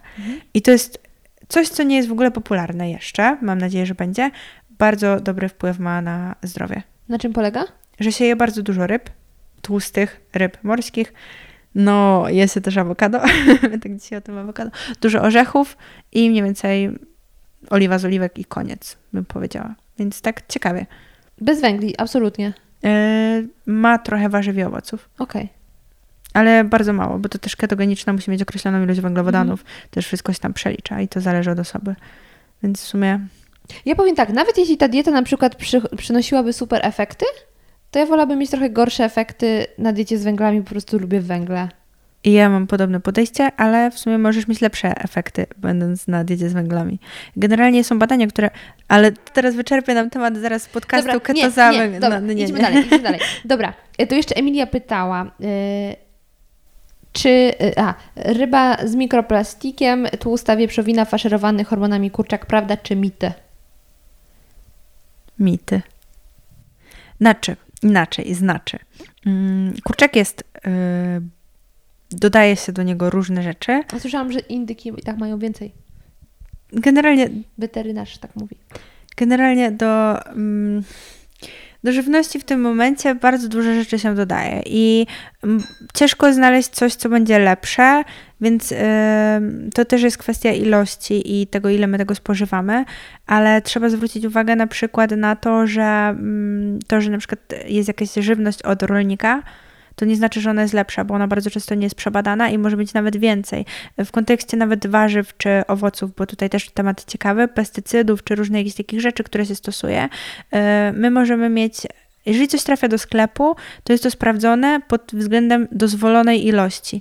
Czyli czy to na pewno może człowiek spożyć i nic mu się nie stanie, zawsze się to bada. Ale jeżeli my kupujemy coś od jakiegoś rolnika, to nie mamy tej pewności. Może być się okazać, że to będzie trzy razy lepsze, ale może się okazać, że będzie trzy razy gorsze. I może się też okazać tak, że ten rolnik nic złego z tym nie zrobił, ale rolnik, który jest obok, robił różne rzeczy i to tak jakby się rozniosło dalej. I były badania, które badały sady jabłek pod Wrocławiem. I okazało się, że mm, był w jednym miejscu, bardzo odległym, było prawie 40 kilometrów, zastosowano pewien oprysk, który został rozniesiony przez owady. I dotarł do również innych jabłek i one też były zanieczyszczone i nie przeszły kontroli. Ale I super, to jest ciekawe. Mówisz, bo to jest właśnie temat, który kiedyś poruszałam z moimi rodzicami, że kiedyś się mówi, że żywność była taka czysta i w ogóle taka nieprzetworzona, a to jest taka, no trochę gówno prawda, w sensie, że kiedyś jak nie było norm, a Mhm. już były nawozy, bo nawozy są od naprawdę bardzo, bardzo dawna, e, to rolnicy po prostu chcieli mieć większe plony niż ich Wtedy się tego sąsiedzi. nie kontrolowało. Nikt nie kontrolował, więc to nie jest tak, że kiedyś pomidorki były takie bez nawozu, takie... Nie jest tak. Kiedyś Absolutnie. były gorsze. Są badania, które badają mm, na przykład e, to, co było kiedyś i teraz i wypadają gorzej Mhm. te warzywa i owoce, które były wcześniej. Więc e, to można, że tak powiem, z automatu obalić. Tak samo jak z automatu można obalić, że teraz warzywa i owoce to tylko chemia e, i sałata to nie jest sałata. Mhm. Gdyby sałata nie była sałatą i by była taką chemią, to by nie była zielona i nie miałaby w sobie chlorofilu i magnezu. Takie samo jak się mówi, że mm, warzywa teraz nie mają minerałów, minerały to w ogóle negatywne słowo i nie powinno się tak używać, tylko właśnie składniki mineralne, e, więc mówi się, że mm, popularnie, że nie ma minerałów, e, a to nie jest prawda, bo nie miałaby swojego koloru, bo za chlorofil i obecność jego w tej sałacie odpowiada magnez.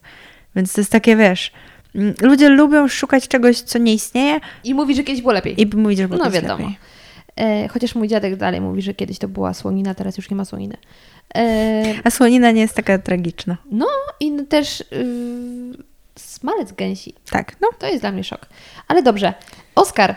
Oskar to jest mój y, dobry też kolega przy okazji. Pozdrawiam. I, nie dziwi mnie w ogóle, że zadał takie pytanie. Także mm, ja zaraz rozszerzę to pytanie, żeby nie było takie bez, mm, delikatne. Oskar pyta, jakie jest minimum posiłków dziennie, żeby było zdrowo? I od razu zaznaczę, że to jest człowiek, który potrafi cały dzień nic nie jeść. I nie widzi w tym problemu. Jeden. Tylko teraz objętość powiedz, jaka powinna być tego jednego, że to nie jest jedna kanapka. Oskar. Dobra, to y, w Twoim przypadku zmieniam zdanie. Trzy. Trzy kanapki. Nie, ale tak serio. Nie ma takiej jakby optymalnej ilości e, spoży- poży- pożywienia mhm. e, i ilości posiłków. Przyjęło się pięć, można jeść trzy, można jeść siedem, wszystko zależy od Ciebie, ale liczy się ilość kalorii i liczy się to, żeby nie jeść tak, że aż boli brzuch. Mhm. Mm, nie potrafię ci powiedzieć, jaka to jest ilość dla ciebie czy dla ciebie, bo to samemu trzeba określić. Jeżeli cię boli brzuch, to znaczy, że ten żołądek jest zbyt mocno wypełniony, a to nam zwiększa ryzyko nowotworu żołądka. Więc my musimy sobie obliczyć, ile musimy zjeść, żeby ten żołądek nie był za mocno rozepchany, ale żeby to miało sens. I na przykład w moim przypadku e, 1500 gramów jedzenia dziennie by było ok, czyli trzy posiłki po 500 gramów jedzenia. Boże, ty... Wow, zważone całe jedzenie, nie mam pojęcia ilu gramów w Y, normalnych sytuacji pożeram.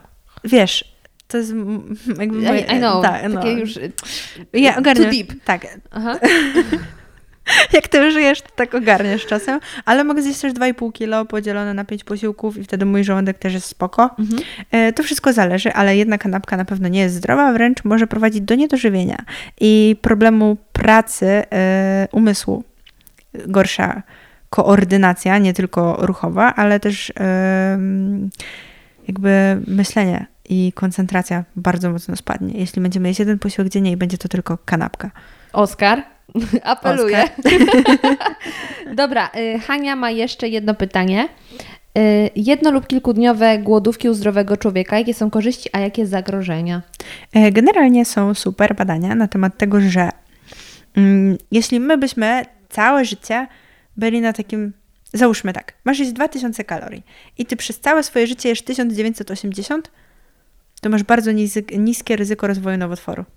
Czyli wiesz, cały czas jesz trochę za mało. Ale jeżeli byś przez całe życie jadła 2100, załóżmy, to miałabyś wysokie. Jakbyś jadła cały czas za dużo.